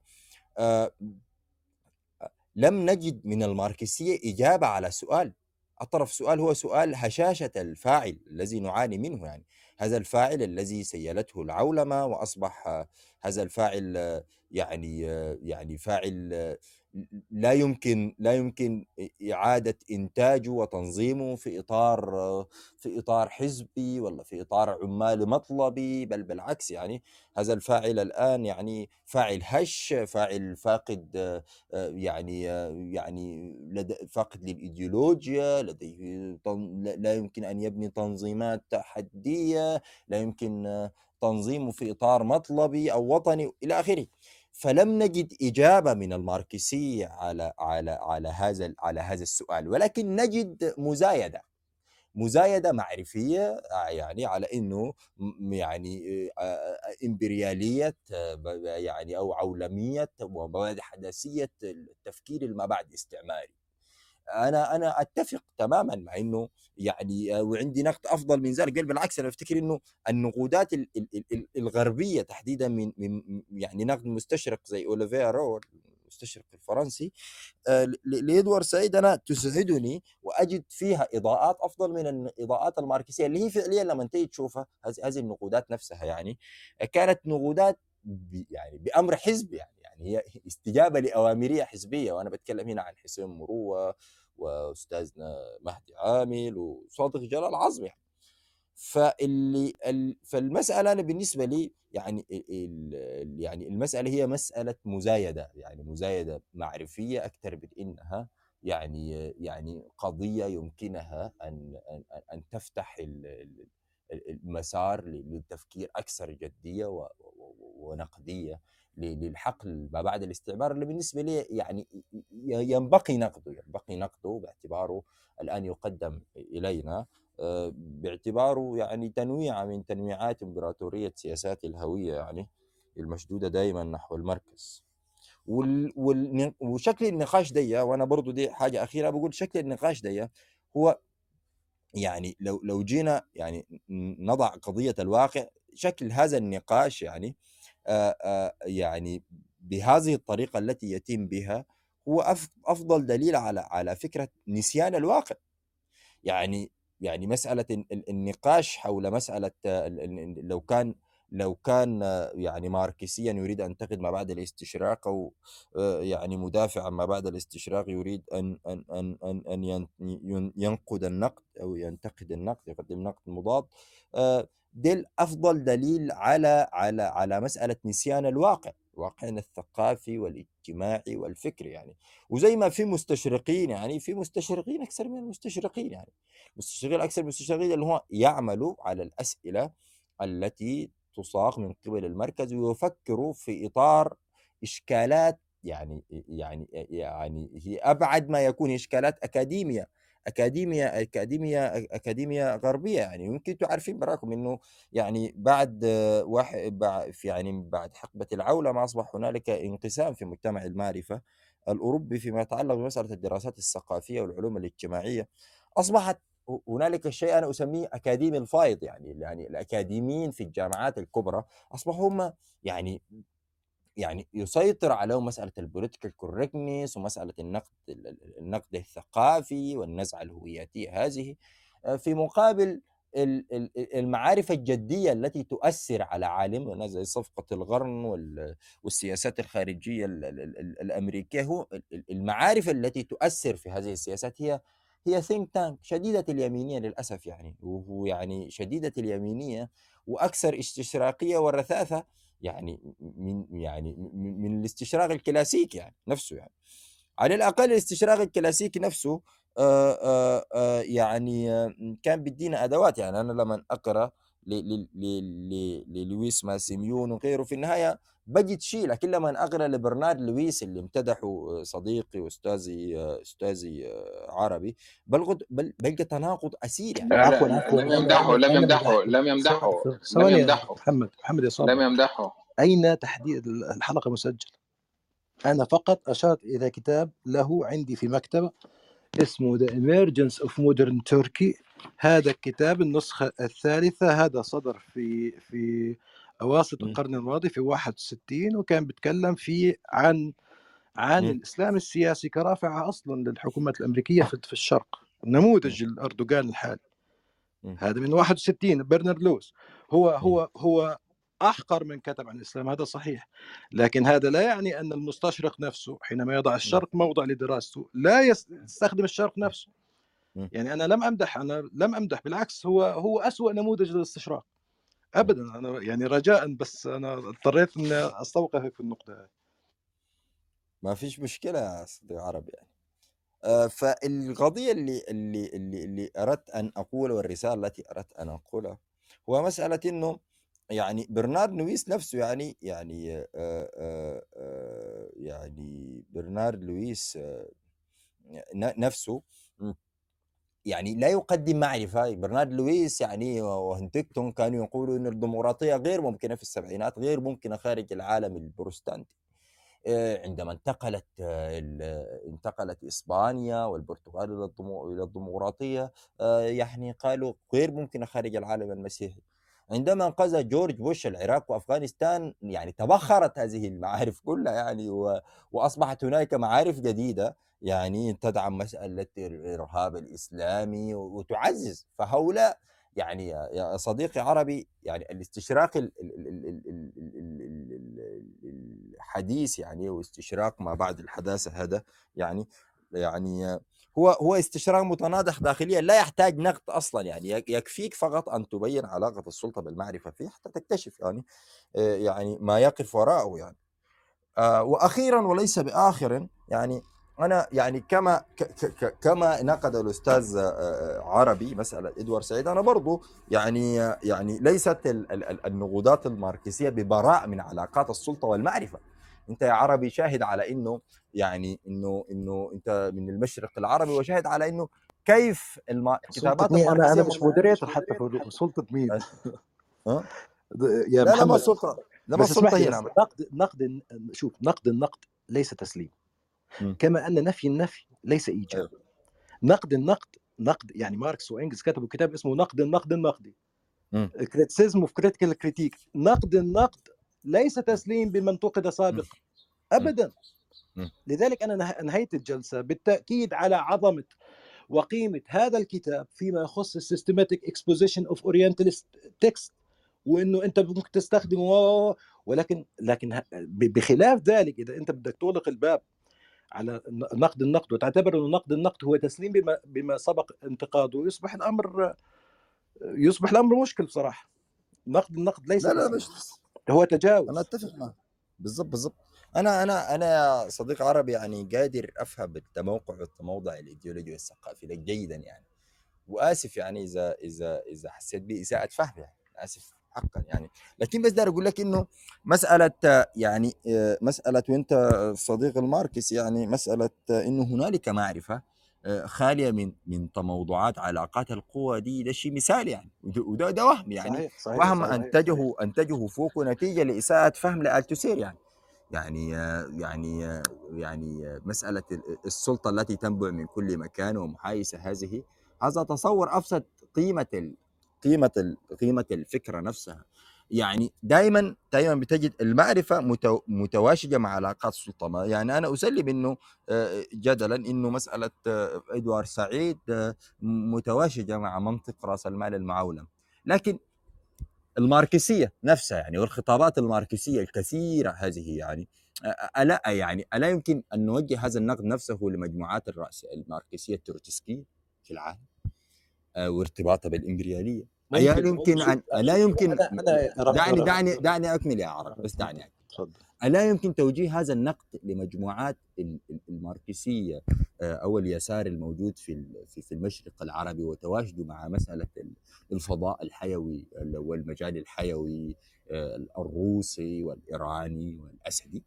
ألا يمكن توجيه هذا النقد نفسه للمجموعات ال- الماركسية اللي اللي مش تروتسكية يعني الموجودة في الأكاديمية الغربية اللي اللي بسميهم آه، أستاذنا علي القادري بأنهم آه، الطابور الخامس. اذا إذا كان كل ذلك كذلك يعني فهذا النقد ليس براء منه يعني هذا هذه الحاله تتخذ أنا ما بعرفش لأنه في آخرين في الجلسة. أنا اولا بس أريد أن أبدي إن أنا مش منزعج منك ابدا. وعلى حكاية النقد أنا أنا أنا اعترضت عليك وأنت تذكر ذلك انه وفي جلسة كانت في حاضرين عدد مش بسيط أن نقدم نقد المقدم على كتاب الصهيو تروتسكي.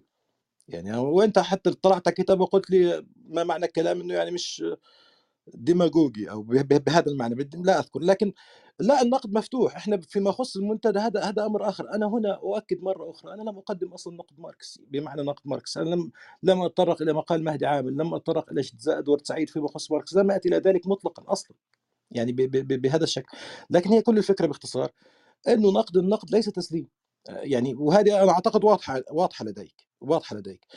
أما لماذا فعلنا ذلك أو لم نفعل ذلك لماذا تصدينا هذه اللحظة أو تلك اللحظة هذا يعني هذه هذه أمور آه، ما بعرف يعني ممكن إذا إحنا انتقدنا مثلا الخطاب السلفي لماذا لا ينتقد ويصبح مثلا حتى هنا بالمنطق تبعك إنه الإسلامي لماذا ينتقد ال- الخطاب الليبرالي؟ لماذا لا ينتقد السلفية مثلا؟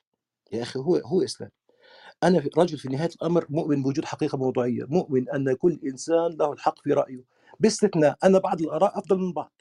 وكما يقول. يعني سقراط في في في محاورة فايدون أو فايدو ال poor only poor spirits اللي بتقبلش النقد فقط الأرواح ال- ال- البائسة هي التي لا تقبل النقد إذا عندك argument وعندك حجة وتستطيع أن تدافع عنها وتنافح عنها بشكل منطقي وبتسلسل منطقي تفضل والميدان مفتوح إدوارد سعيد وغير سعيد وكارل ماركس يا سلام تفضل نعمل جلسه نعمل جلسة على نقد كارل ماركس لكن تتوقع مني أعملها في منتدى ماركسي لا والله مش. مش عم...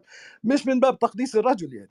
إحنا لدينا ما هو أهم من تقديم النقد لماركس. فليفعل الإسلاميون فعلوا ذلك على مدار 40 50 سنة وبتمويل أمريكي.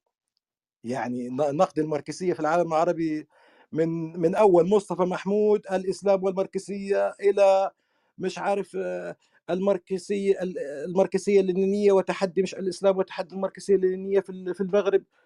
كتابات يعني مخيفة جدا. وعلى هوى الليبراليين كمان يعني ليست فقط وعلى هوى الليبراليين. لا المكتبة العربية زاخر لكن للأسف يعني هي زاخرة ببؤس ثقافي. لأن أنت أنت وأنا واثق من قدراتك النقدية أنت لو طلعت على هذه النقود متهافت. يعني هي التعبير الحرفي لتهافت تهافت ولنا في ذلك حديث آخر وأنا اسف على الإطالة. طيب آه، بعد إذنك يا محمد ممكن بس. نروح للدكتور مأمون عشان بس بعد إذنك أستاذ هشام بس عشان دكتور مأمون وقته ضيق فبعد إذنك أستاذ هشام. اتفضل دكتور مأمون. اتفضل. شكرا يا أحمد مساء الخير على الجميع. آه خلينا نشتبك مع ثلاث محاور من هذا الحوار. واحد سؤال ال representation اللي هو يعني جوهر فكرة الاستشراق. والسؤال ال intellectual genealogy أو الخاص بإدوارد سعيد أو يعني آه، الآباء الفكريين لإدوارد سعيد أو أصوله الفكرية ومرجعياته الفكرية. وثلاثة موقع إدوارد سعيد في الأكاديمية الأمريكية ورابعا آه، موقع إدوارد سعيد كفلسطيني على خطوط التماس بين المشرق والمغرب. أنا من الناس اللي بيروا أنه آه، هناك مشكلة حقيقية أو فرضية أساسية في موضوع الاستشراق وغيره ومعظم كتابات البوست كولونيال وكل ذلك. وهي فرضية تقول أن الرجل الغربي بشكل عام هو غير قادر على قتل أخيه. الإنسان إلا عندما يصوره بما هو أقل ما هو إنساني. وسواء كانت من حالة الرق والعبيد إلى حالة الحروب والاستعمار إلى آخره. وهذه الفرضية تفترض أن هناك آه، آه، أمر essential أو أمر جوهري فيما يخص الإنسان الغربي بأن الإنسانية التي داخله تمنعه من الاستقواء والظلم على من هو ند له أو من هو شبيه له. وبالتالي لابد من التقليل من شأنه أو إعادة تصويره سواء كان في آه، رسم صور الأفارقة أو رسم صور العرب أو غير ذلك لأن هذا النوع من خلق حالة متدنية أقل من البشرية تجعل فكرة التحضر والتطوير و وغير ذلك آه، أمرا ممكن. أتمنى تكون النقطة دي واضحة. أنا من الناس اللي بيفترضوا لا مش كده. يعني ليس هناك في جوهر الإنسان الغربي فكرة أنه لا يستطيع ظلم آه، المساوي له. أنا ظني أن سلوك الإنسان الغربي على الأقل منذ الثورة الصناعية آه، أو حتى روح قبل كده لحد الإمبراطورية الرومانية وسلوك عدواني وسلوك بدائي وبالتالي هو لا يحتاج إلى إعادة التصوير. لكي يستطيع الاستعباد أو القتل أو الظلم أو سرقة الأراضي أو غير ذلك. يعني هذه فرضية آه، الناس اللي بيتكلموا في الريبريزنتيشن أو التصوير على أنه هو ال آه، واللي هي جزئية كلام اللي هو ال cultural violence ويوهان جالتونغ وآخرين. كل ده هيوديك في سكة لا هو الإنسان الغربي غير قادر على إنه يأذي إنسان مساوي له. مش صحيح الكلام. وأنا أعتقد ده الفخ الأولي اللي هو في في اللي وقع فيه إدوارد سعيد وغيره. آه، في في هذه القصة. ال- ال- ال- الجزء الثاني الخاص بإدوارد إدوارد كان له معركة داخل الأكاديمية الأمريكية بالتالي راح على فكرة ال continental philosophy أو الفلسفة الأوروبية وخصوصا الناس اللي جاي- جاية من عند هايدجر و... و... و... وما بعده. وعلى فكرة كان في واحد من تلاميذ هايدجر اللي هو شارل مالك كان قبل إدوارد سعيد في هذه المسألة. وتخرج من هارفارد ودرس قليلا في هارفارد ثم أصبح وزير خارجية لبنان فيما بعد ولكن كان serious intellectual يعني. لكن الفكرة إنه معظم شغل إدوارد سعيد في ال representation وغيره سواء كان في ال Cultural Imperialism أو Orientalism أو حتى آه، يعني اللي هو النص بتاع the text مش فاكر ال exact title بتاعه خاص بال aesthetics وحتى شغله على ال music. آه، كل ده جاي من مدرسة التفكيك وال, وال, وال يعني سواء كان deconstruction أو حتى ال post-structuralism والحاجات من هذا القبيل. واللي هو توطين هذه المعرفة الأوروبية آه، وإشكالية ال- شرعية المعرفة في كلام ليوتارد وآخرين مع أنه كان سابق ليوتارد. وتوطين فكرة ال postmodern debate في أمريكا مع أنه كان في حد تاني مختلف لم يجد اهتماما لأنه ليس سياسيا كان أستاذ في جامعة ويسكونسن آه، وهو المصري إيهاب حسن رحمة الله عليه وجاي من المدرسة برضه شوية شوية ماركسية مع شوية mathematics لأنه كان أصوله جاي من خريج هندسة اسكندرية زمان أوي أيام الملكية إلى آخره. وعمل شغل كويس جدا في ال postmodern condition وغير ذلك. فمسألة توطين ال- الخناقة الإبستمولوجية داخل ال- الأكاديمية الأمريكية والخناقة على روح الشرق وده تبناها طبعا ال- ال- الخناقة دي كان بطلها طبعا إدوارد سعيد من ناحية وبرنارد لويس من ناحية أخرى.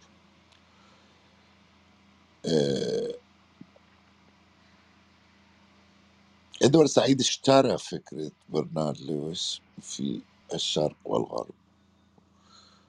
مع إنه يمكن أنا في البوست ال- أو المقال اللي أنا كتبته مرة في الشرق الأوسط ردا على إدوارد سعيد.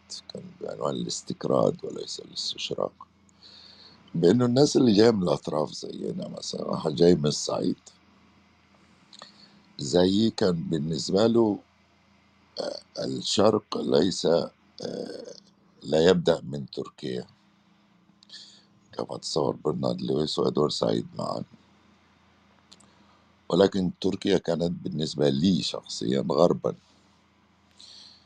يعني لما جت تجريدة الخديوي إسماعيل إلى منطقة قنا والسلامية ونجا حمادي والأقصر وقامت بتجريدة كاملة لإخماد التمرد.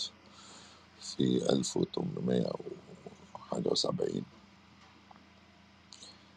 آه، كانت جدة الله يرحمها تقول ولد أبو طراف بسيوف رهاف قتلوا الصراف ورموا راسه في القواقي كان بالنسبة لنا الصراف اللي هو التاكس كولكتر اللي بيجي من القاهرة اللي هو جاي من عند أفندينا كان غربا بالنسبة لنا. كان غربا وغربا عدوانيا وبالتالي ال- ما صور على أنه شرقا في مركز الأطراف سواء في القاهرة أو الشام أو غير ذلك هو غربا بالنسبة لأطراف الأطراف الخاصة بالصعيد و... و... ونجد و... وحتى خد الجنوب التونسي. والمغاربة الخارجين عن فكرة ال- أو الإمبراطورية التركية وما, بعد المغرب من المسلمين فهنا المسألة فكرة ال ال ال الفيزيكال as well as the intellectual borders أو سواء كان جغرافيا الأفكار أو الجغرافيا الفيزيائية لفكرة الغرب والشرق. هي متمشكلة أو problematic بالنسبة للقادمين من من الأطراف إلا إذا قررنا أن هذه الأطراف ليست مهمة وأن مصر هي القاهرة وأن سوريا هي دمشق وأن وأن جماعة لبنان هم بيروت رغم أنه حد زي حتى فيليب حتي طرح إشكالية ال- إشكالية الجبل versus بيروت. ولكن هذا أيضا تغاضى عن إخواننا الشيعة في جنوب لبنان. وده على فكرة اللي خلق حالة التوتر السياسي التي جعلت الشيعي من أرنون. اسمه فؤاد عجمي يشتبك اشتباكا شديدا مع إدوار سعيد. وبعض الناس رأوا أنها يعني نوع من التصهين لدى فؤاد عجمي ولكن أيضا ظني أنها أيضا نوع من التهميش للهوامش داخل ال- الديبيت المحلي. يعني قرية زي أرنون في الجنوب اللبناني ترى أو حد جاي من هناك يرى في إدوار سعيد. حاجة تانية خالص. آه شيء أخير يعني برضو للتاريخ يعني عندما تقرأ out of place خارج المكان وتقرأ كيف يتحدث إدوارد سعيد عن تجربته في الزمالك عندما كان يدرس في القاهرة وكان يدرس في كلية فيكتوريا. حديث إدوارد سعيد عن البواب النوبي في عمارته التي كان يسكن بها لا يختلف مطلقا عن حديث برنارد لويس عن الشرق يعني أخذت الجزئية دي من of place واستش... واستشراق إدوارد ذاته حول العامل النوبي ال- ال- وعلاقته به في كبواب فاحنا أمام مشكلة كبيرة. يعني فهو ليست هناك فكرة ال purity في ناس يمكن بعض الإخوة أشار هنا ل- أعتقد عربي أشار لناس زي سمير أمين أو ناس زي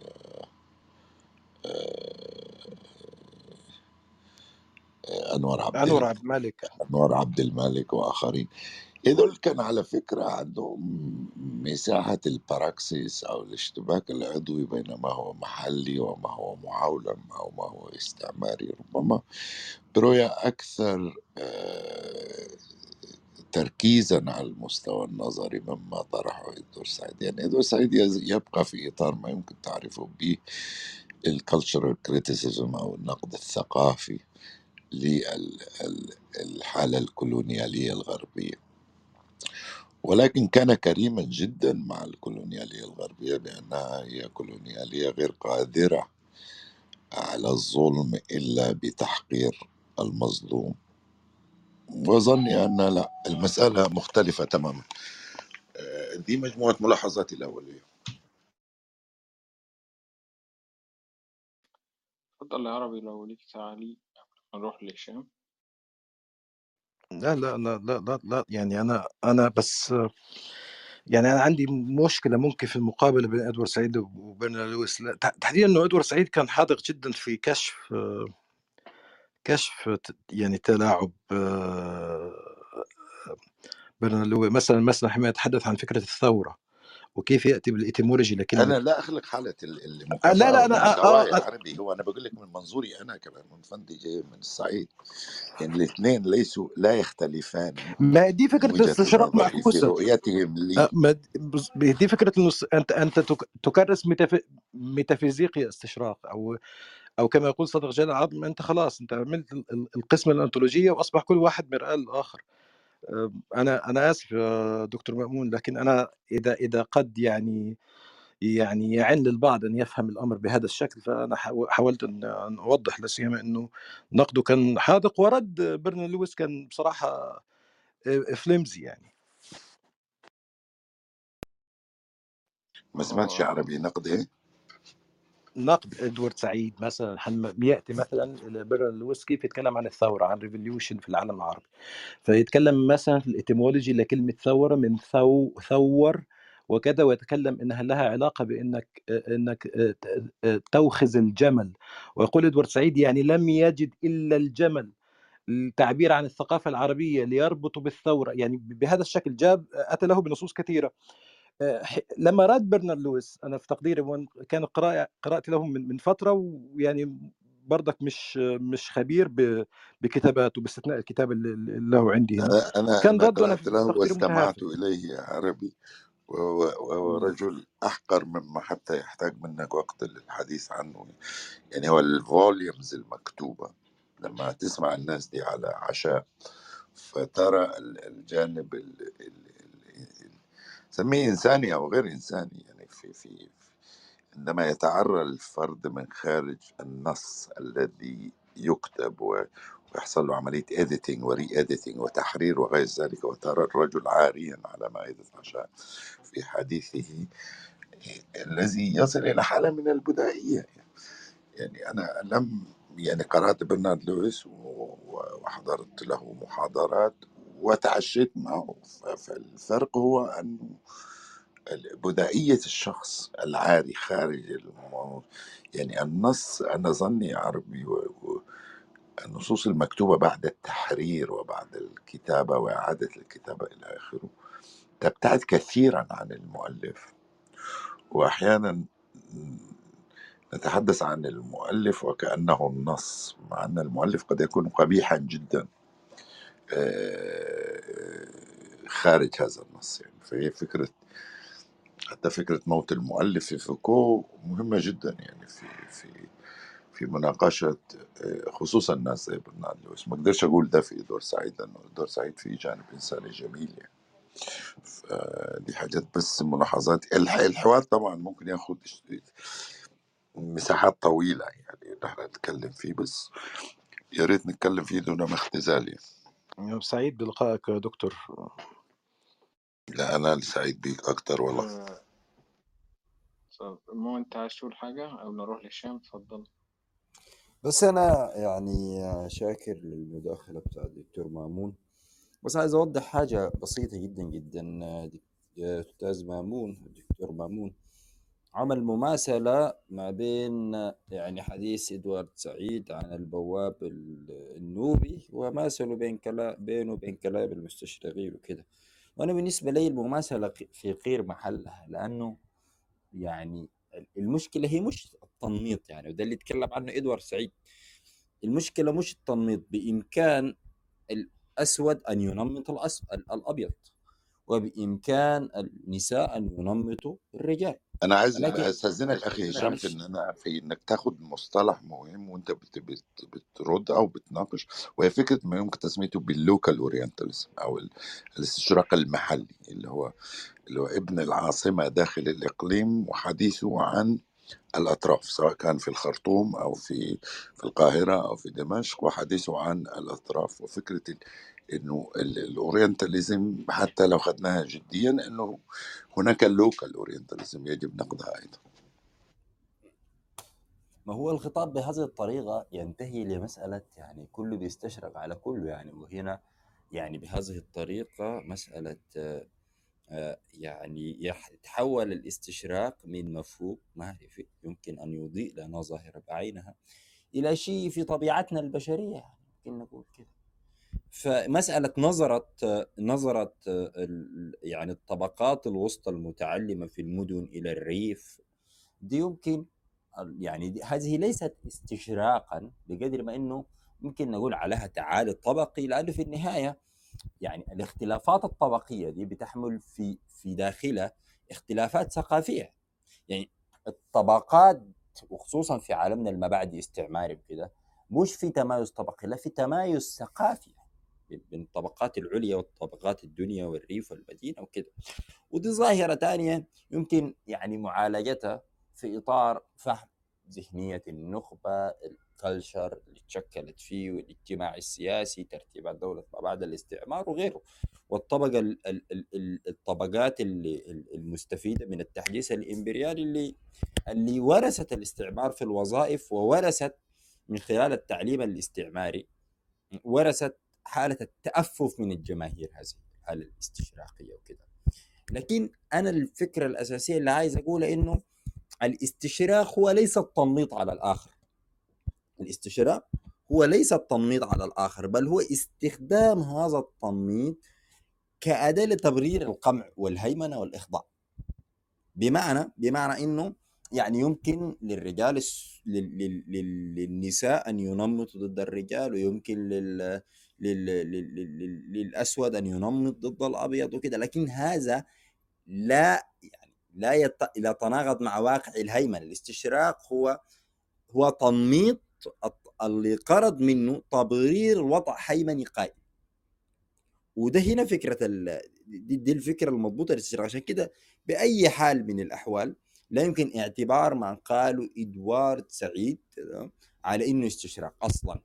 لأنه بالطريقة دي إحنا حنصمم الثقافات يعني لو قلنا أي وجهة نظر سلبية أو أي حكم ثقافي من أي شخص ما تجاه شخص آخر هو استشراق وكده نحن كده ح... ح... ح...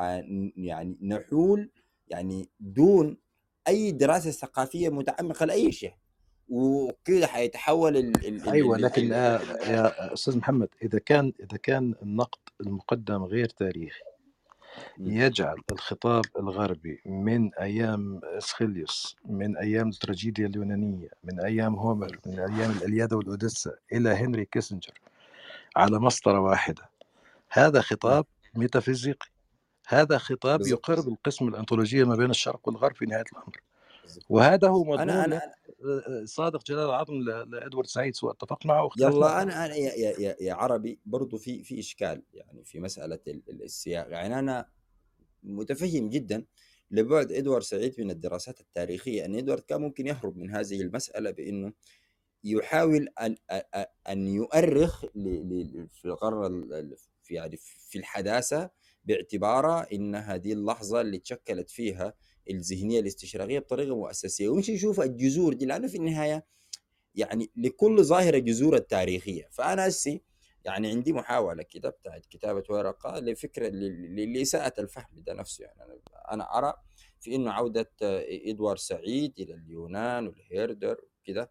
في يعني دي عودة لمعرفة الجذور اللي قزت الذهنية الاستشراقية دي وكده لحد ما جاتنا بشكل الحي لأنه في النهاية الذهنية الاستشراقية دي ما سقطت سقوطا مظليا من السماء إلى الأرض. ممكن لو سمحت شوي. آه، اتفضل يا أستاذ هشام.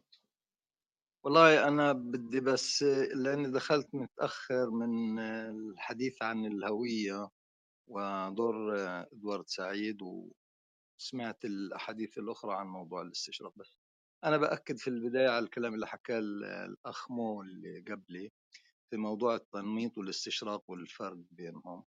وضرورة استحضار الجذور التاريخية للاستشراق ما كانتش بتعني العدمية أو ال ال ال ال الميكانيكية اللي انتقدها عربي لحديث محمد. لأنه أنا في تقديري كمان الفيلسوف التونسي بيحكي آه، اللي هو فتح المسكيني بيحكي في موضوع الحداثة الأوروبية بالأساس كثقافة هي آه، آه، إعادة تأويل مسيحي وإعادة تنشيط لل- لل- للثقافة ال- ال- اليونانية والرومانية في نفس الوقت. اللي أنا بدي أحكي في موضوع الهوية بالإضافة ل أو قبل موضوع الهوية تأكيدا على كلامه إنه الاستعمار أجى نتيجة والاستشراق نتيجة لثقافة غربية هي لم تعد ترى الإنسانية هي ترى الإنسانية بس من خلال أنه هي البوابة الأساسية لهذه الإنسانية وما دونها لا ليس إلا موضوع موضوع لل- للحداثة وليس طرف أو طرف غير مباشر في الحوار آه، الإنساني حول موضوع الحداثة. وهذا ما أعطاهم المبرر أو برر عملية الاستعمار أو برر عملية إنه إنه إنه منذ هوسير يعني يعني حتى الحديث المتناقض آه، تبع هوسير وكأنه الإنسانية الأوروبية وكأنه الإنسانية لازم توصف آه، وهذا تناقض بال- بال- بالدلالة وبالنظرية لأنه الإنسانية هي التخلص من ربقة آه، ال- ال- العنصرية سواء أوروبية أو عربية مشرقية أو غربية في تقديري هيك. فالنظرة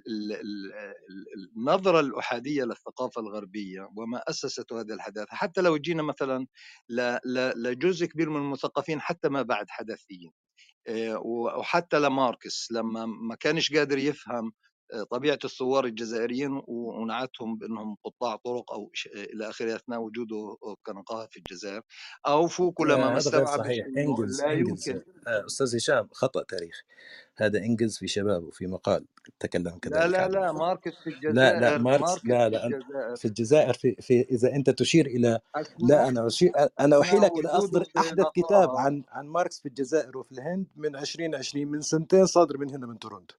وأعطيك نسخة مجانية. لا هذا بغض وأنا النظر أتمنى. بغض النظر. آه لكن إنجلز صحيح إنجلز صحيح. وقبل قبل يعني ما 1800 فرقناش و... كثير ما ما ما مم. راحتش بعيد بكل الأحوال. ال- ال- المعنى اللي, اللي أنا بدي أصل له حتى فوكو يعني ما كانش قادر يفهم آه، بمعنى المطالبات الحرية أثناء ثورات الاستقلال. وكان بيقول إنه لا يمكن إنك تحكي عن حر إلا إذا كان عايش ضمن ليبرالية سعيدة يعني ليبرالية حرة سعيدة وبالتالي ما فيش أحرار خارج هذا النطاق يعني. فاللي أنا بدي أخلص منه في هذا الموضوع مش دفاعا عن أدوارد سعيد مع إني أنا سعيد جدا في هذا النقاش وزي ما بقولوا زي ما حكى العربي برضو نقد نقد لا يعني التسليم فيما قبل النقد يعني. إيه، موضوع الهوية اللي أحيانا يدان فيه رغم أنه أنا بعتقد أنه يعني الهوية شيء يعني لا يمكن أنك يكون في هناك إنسان بدون هوية. لكن ممكن النقد اللي ممكن إحنا نوجهه للاستعمال الفائض للهوية اللي تصبح شيء متعالي ونوع من التجديف على على الآخر. ورغم هيك الهوية ليست من إدوارد سعيد فقط يعني يعني نقاش الجماعة في ال- آه، تايلور وزيزاك في الجماعويين الأمريكيين في الثلاثينات كان في هناك نقاش عن آه، عن هوية ثقافية. أما ما قبل هيك الهوية كانت موضوع آه، شهادة وثيقة أو السؤال الفلسفي اللي طرح من من سقراط. وبعدها أخذت تأخذ الشكل ال- ال- الهوية الثقافية. والهوية الثقافية اللي أنا بعتقد مش هي المدانة بقدر ما هو الاستخدام المفرط والتعالي في استخدامها بحيث أصبحت آه، بتناولها أو بتداولها سواء إسلاميين أو يساريين أو غيره أو غيره. لو جينا اليوم لما بعد الحداثة ولا زي ما سماها اليوتار أزمة ال- ال- الهويات الكبرى، أنت لا يمكن اليوم تتحدث عن هوية ماركسية أو هوية إسلامية، إن هناك تأويلات إسلامية لا حصر لها. وعندنا عندنا ماركس كمعمل خطير منذ روزا لوكسمبورغ وتروتسكي لجارودي لغرامشي لليوتار ل- لما توصل لنيجري وزيزيك وإلى آخره. فكلها تأويلات حتى بما فيه بعض ال- ال- الماركسية الصهيونية يعني. فإحنا قدام يعني معمل خطير اصبح هو متعدد الهويات أيضا. وأصبح الحديث الآن بيتمش عن هوية جامدة أو مغلقة عن إلى حد ما هوية هجينة أو متنوعة أو مركبة. للتخفيف من حدة الهوية لأنه الكل بيدعي إنه هو ممثل أو هو المدافع عن هذه الهوية سواء هان أو هناك فما ما بعتقدش إنه نقد ادوار سعيد في هذا الموضوع يعني في في في مطرحه. سوى إنه هو حاول يقعد هذا الموضوع في ضمن واقعة ال- الإمبراطورية اللي أرخ إلها في ال 1800 اللي إحنا قاعدين بنعيش في أفقها لحتى الآن. وشكرا. شكرا جدا يا أستاذ هشام.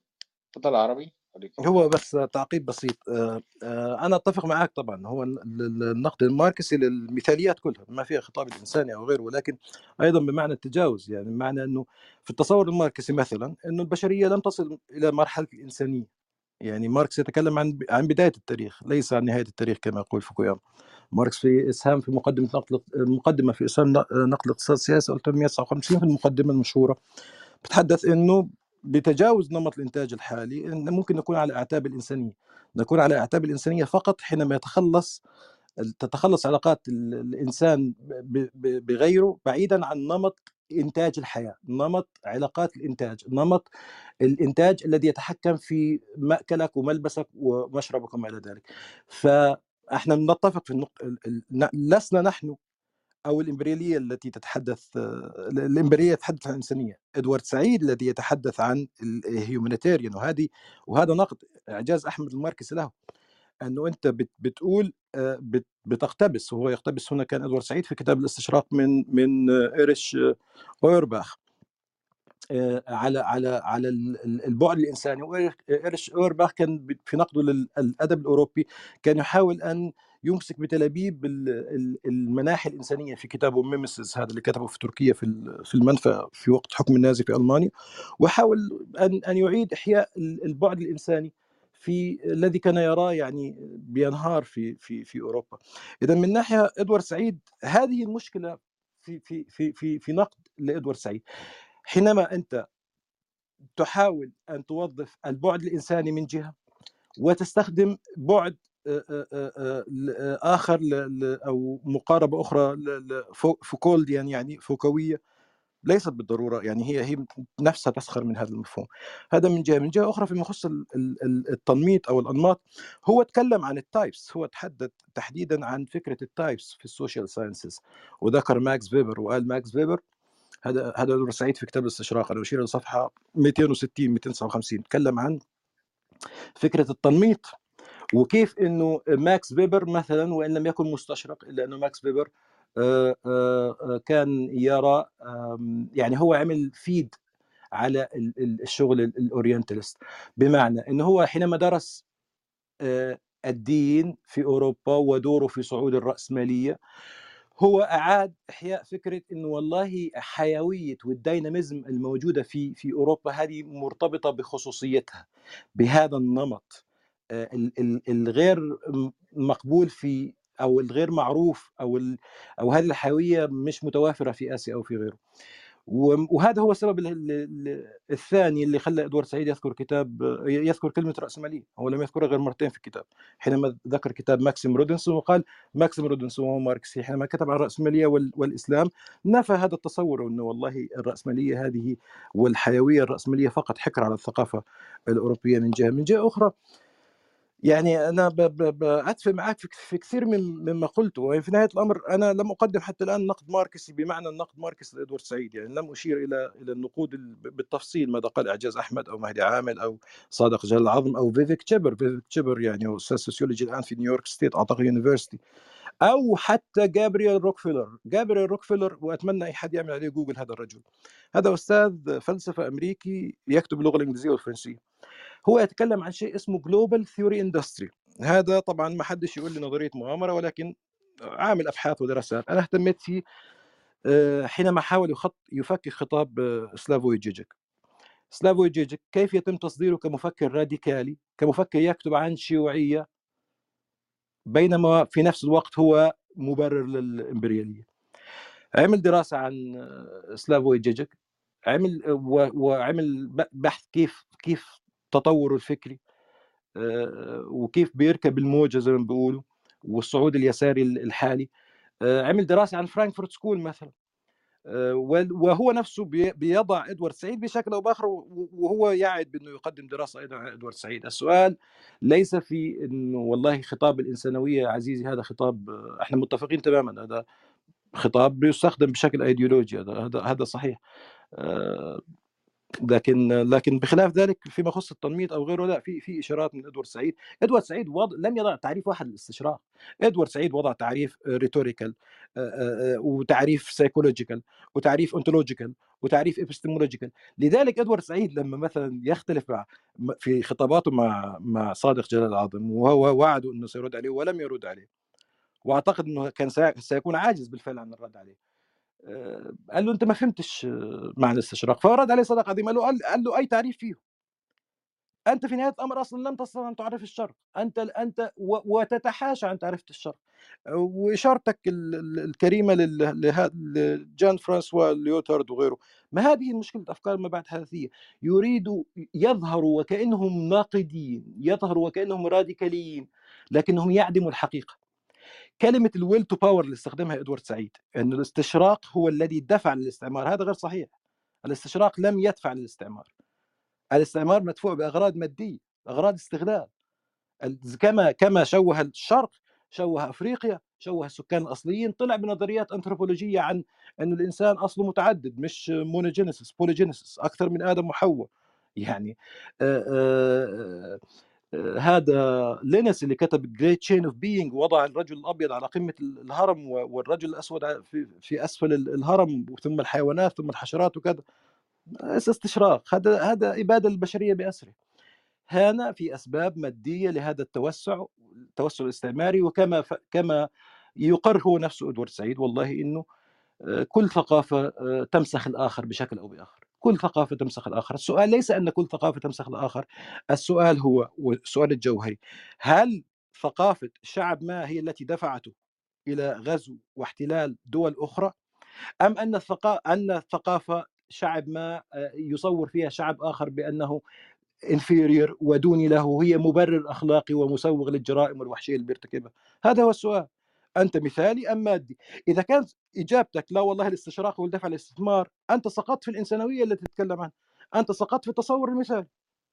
ما هو التصور المثالي يضع كلمه كلمة الإنسان كلمة حقوق الإنسان الإنسانية الغرب الشرق مقولات. في نهاية الأمر مقولات. الما بعد حدثيين جون ف- فرانسوا ليوتار هذا له كتاب بعنوان why the Gulf War didn't happen بما- بهذا المعنى. لماذا لم تقع حرب الخليج؟ هذا الرجل يقول لك الحرب وقعت لكن رؤيتنا وتأويلنا للحرب يختلف. يا سلام. يا أخي هؤلاء يعدموا الحقيقة. تيري إيجلتون مثلا ناقد ماركسي حينما نقد جون فرانسوا ليو- ليوتارد لما تكلم عن أنه العالم بأسره وهم. كل العالم هذا وهم. الحقيقة فقط تجدها في ديزني لاند تيري إيجلتون قال له يا أخي العامل الذي يعمل في ديزني لاند ماذا سيستفيد؟ إذا أدرك أنه فقط هو الذي يعيش في العالم الحقيقي والعالم خارج أسوار ديزني لاند وهم. نقد زائف كل هذا الفكر نقد زائف. أنا أتفق مع في كثير في نقطة والله إن في subjectivity في ذاتية في المقاربة. ولكن إذا انتهينا نحن إلى إلى أن جميع الحقائق نسبية جميع الحقائق خاضعة للتأويل نقع في في في في ال solipsism في نهاية الأمر. مثالية نعود إلى بيركلي نعود إلى مثالية ذاتية مغرقة. لا يوجد حقائق لا نقول أنها مطلقة ولكن حقائق موضوعية. أولى هذه الحقائق فيما يخص جلسة اليوم أن الاستشراق لم يدفع إلى الاستعمار. الاستعمار استخدم الاستشراق للت- كتبرير أخلاقي لتمدين هؤلاء الهمج لأنهم يصبحوا متحضرين وكذا. يجب أن يعود النقد إلى إلى الأساس التحليلي المادي الاقتصادي. أما والله فكرة أنه وطبعا العلاقة في نهاية الأمر ما بين المادة ما بين المادة والفكرة أو ال- ال- ال- العلاقات المادية وال- والفكر هي علاقة جدلية في نهاية الأمر. لكن لا نضع العرب أمام الحصان. ثم ننتقد من يفعل ذلك. يعني لا نضع العرب أمام الحصان ونقول الاستشراق دفع إلى الاست- الاستعمار ثم ننتقد مثاليات الإنسانية ونحن نخرج عليهم بمثاليات مقابل. واسف على الاطاله لا لا آه شكرا عربي اتفضل يا كريم اتفضل أيوة.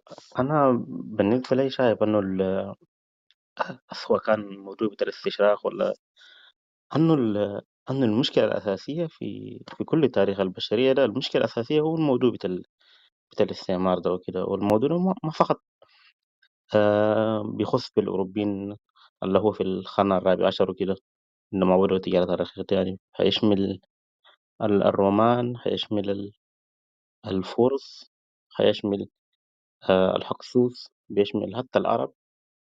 ال- ال- الموضوع ده يعني موضوع تاريخي ومتجذر يعني. فهم فأثناء بيكون في تنميتات التنميتات الثقافية اللي بيستخدموها ده بيستخدموها فقط ك آه، كتبرير عشان أنهم يقدروا آه، يسيطروا على الناس التانيين أو أو أو أو يهدوا من قيمة الناس التانيين دي يخلوهم في قيمة إنسانية أقل وكده آه، لذلك يعني ال- ال- الفكرة بتاع الثنائيات يعني الأنا والآخر وكده أو ال- أو الاستراتيجية بتاع السيد والعبد إنتوا إحنا إحنا أحرار وإنتوا عبيد وكده. هو هو نفس الفكرة يعني ومنتشرة في ثقافات كثيرة يعني. فلذلك ال- الموضوع الأساسي هو آه، جذور بتاع ال- الجانب بتاع الإمبريالية الثقافية حتى إذا كان أخذنا الجانب الثقافي مثلا لل- لل- للرومان وكده فأثناء جو نشر المسيحية كان لل- للأخراج بتاع السطو وللأخراج بتاع الهيمنة الآخر. ونفس الشيء برضو آه، على الجانب الغربي وكده. فلذلك فالثقافة أثناء بتجي بيجي كعامل آه، كعامل مساعد لل آه، لل- لل- للخزو وكده يعني. آه، يعني مثلا في في في كثير من الأنماط حتى بيكون الأجانب الثقافي مؤثر حتى في أنماط المعرفة يعني. مثلا أنا مثلا آه، كإنسان يعني آه ودي في غرب السودان يعني النوع بتاع الإنتاج بتاعتنا بقوم قايمه على التبادل يعني. ده جوهر العملية العملية الاقتصاد حقتنا قايمة على التبادل. التبادل سواء كان يعني بقوم على المخايدة وكده. يعني والت- والتبادل يعني فيها كثير من القيم الإنسانية. فما كنا نستخدم حتى النقود ما كنا بنستخدمها نستخدم ال- ال- المقايضة ذاتنا كلها بيعتمد بيعتمد على ال- على السلع أو كده. فأنا بالنسبة لي يعني الموضوع ده إنه إنه موضوع موضوع إنساني مفترض إنه يتم تعميمه يعني على على على, البشرية وكده. ده قد يكون يعني الناس بيفتكروها إنه نموذج إنتاج نموذج بدايه لكن النموذج ده ما نموذج بدايه يعني أنت لو حسبت ال- ال- الخيمه الإنسانية بتكون موجودة فيها أكثر من من من مساوئ وكده. وده الحاجة الناس مفترض إنه ينتبهوا له وكده. يعني فما كله ال ال ال ال- يعني ما كل الحاجة اللي بيتروه الغربيين هو الجانب الماركسي إنه هو ممكن يكون. في في في في, في أنظمة بتاع الإنتاج إنه ممكن ناس موجود في ثقافات تانية ممكن ناس يستفيدوا منه ممكن يستخدموها ويتعلموا منه يعني. مثلا النموذج بتاع المخايرة أو التبادل. شكرا. شكرا يا كريم. آه عربي أنت عندك وقت قد إيه ولا خلاص؟ والله إحنا أنا أنا اثقلت واطلت والمشكلة زي ما قلت لك إنها spontaneous أغلبها لكن مكتوبه ومش عارف أنتوا أنا يعني ما يمكن حسب وقتكم. طيب. أنا بصراحة مش عارف. ما أنا طيب. اتكلمت كتير ما عندي ما, ما عنديش حاجة أضيفها يا أحمد. هو فوز لافوي جيجك ده حطوه في ديزني لاند ده الحاجة الوحيدة اللي طب دكتور مأمون عايز تقول حاجة قبل ما عربي يختم؟ ال- النقطة اللي كان بيقولها الأخ كارم هي نقطة أساسية وفكرة ال... وده تناوله جيدنز في في في كلام كتير وهي فكرة ال distanciation اللي حصلت أو خلق المسافة. وإنتاج فكرة النقود وخارج فكرة التبادلية اللي بيطرحها الأخ كريم. هي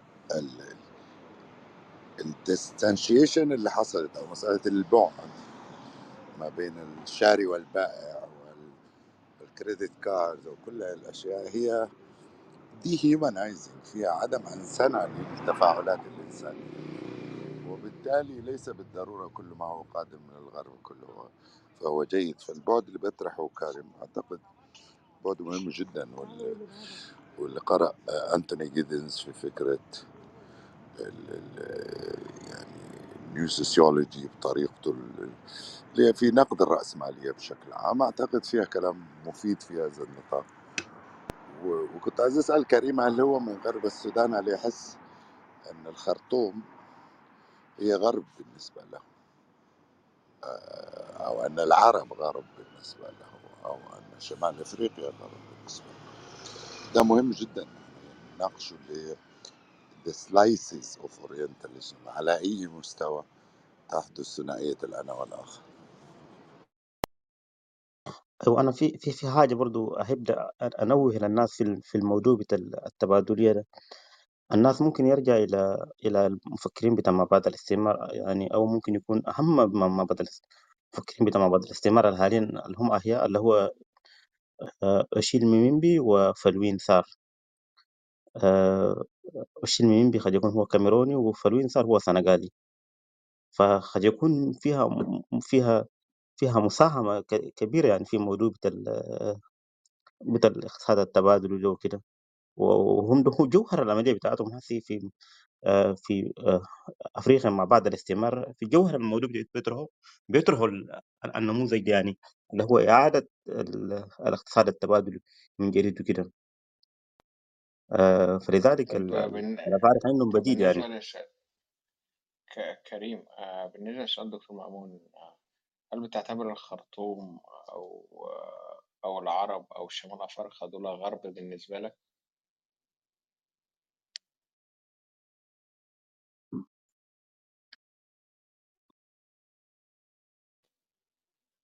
آه هو ما- أنا ما سمعتش الإجابة بس يعني لا ما ما, ما فهمت السؤال بتاعك لا يعني يعني لو خدنا الكتاب بتاع الاستشراق إدوارد سعيد إن إحنا بنعتبر الأوروبيين والأمريكان غرب بالنسبة لنا هل أنت بتعتبر الخرطوم مثلا كحكومة وكسكان مدينة الخرطوم والعرب غرب بالنسبة لك بالنسبة لسكان غرب السودان؟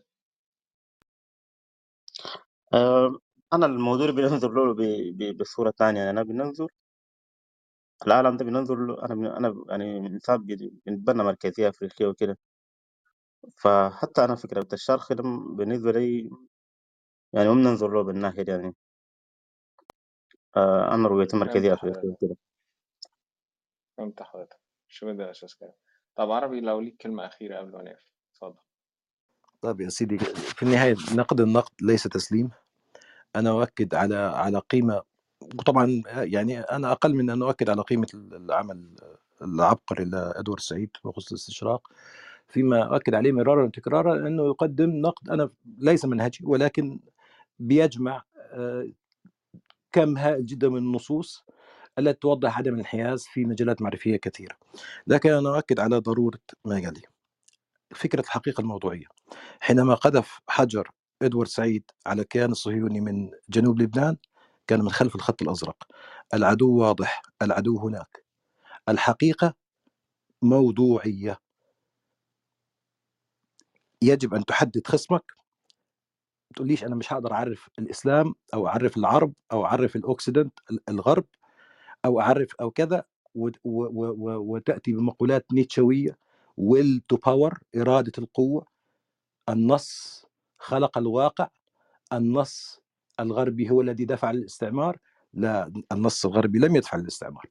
النص الاستشراقي كان مبرر أخلاقي after the fact. والصراعات ما بين الغرب والشرق والشمال والجنوب تاريخية.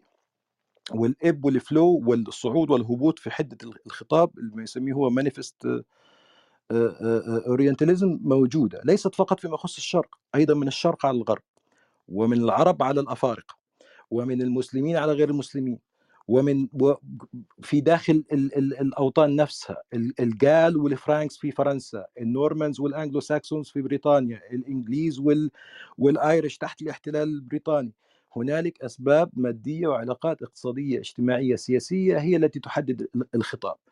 أما القول بغير ذلك والسقوط في المثالية التي سقط فيها إدوارد سعيد وحرف الأمر من تحليل المادي إلى تحليل ثقافي تأسس على أكتافه كل دراسات مبادئ الاستعمار لا يودي إلا إلى نقد زائف. نقد زائف يحطم الحقيقة بمطرقة نيتشه. هذا أمر أنا في تقديري في في في خطر حتى على ال oriental ال oriental subject نحن المواطنين في الشرق. لا الحقيقة موضوعية. والانحياز ضروري في في في في مثل في مثل المسائل يعني بدناش نخش في التفصيلات أكثر من ذلك لكن هذه أوجه للنقد على إدوارد سعيد. مرة أخرى ليس دفاعا عن الماركسية لم اقدم حتى الآن النقد الماركسي بالتفصيل عن إدوارد سعيد. ماذا قال إعجاز أحمد صادق جلال العظيم مهدي عامل وغيرهم فيفيك آه، جابرييل روكهيل أو غيره أو أنه ينتمي إلى ال global theory industry إلى إلى إلى المؤسسة العالمية لل- للنظرية. المشكلة ليست في شهرة إدوارد سعيد في في الشرق الشرق المكلوم الذي في حاجة إلى إلى أي إلى إلى أي شيء يؤكد آه، ضحيته وهو هذه هذه حقيقة. المشكلة هي في شهرة والشهره اللي حازها إدوارد سعيد بوصفه ناقد راديكالي في داخل آه، مركز الإمبريالي. هنا هنا السؤال. وأنا في تقديري إجابة السؤال تعود إلى إلى ما غاب عن النص الرأسمالية. وألف شكر وأسف على الإطالة. لا لا شكرا ليك يا عربي بصراحة. آه، أبدعت النهاردة. آه، بس أنا منتظر اللي هي الروب بتاعت آه، النقد ال- الماركسي لكتاب الإستشراق. يعني بالذات نقد مهدي عامل بالتحديد يعني دكتور مهدي عامل آه، أتمنى تكون قريبا يعني. هي طبعا اللي عايز يتابع أستاذ عربي ممكن يتابعه شخصيا أو يتابع نادي الأطروحة 11 منتدى نادي الأطروحة 11 بيقدموا مقاربات ماركسية. أنت آه، أديب جدا يا أحمد. يعني يعني واحد والله بيخجل من أسلوبك يا أخي. خلاص لم الليلة وس- وتحياتنا يا إسلام. وأنا بأي- بأيدك في إنه آه، در هذا الكتاب يعني في نهاية الأمر. شكرا جدا يا عمرو شكرا يا إسلام. شكرا نوي شكرا كل الناس اللي شكرا يا معنا. شكرا يا عربي وشكرا أحمد. جدا معنا على البانل. شكرا اللي معنا الأكثر دلوقتي داخلين على ساعتين ونص. ونلقاكم مجددا يا عربي. uh, very soon إن شاء الله. uh, فروم تانية قريبا يعني. شكرا جدا ليك.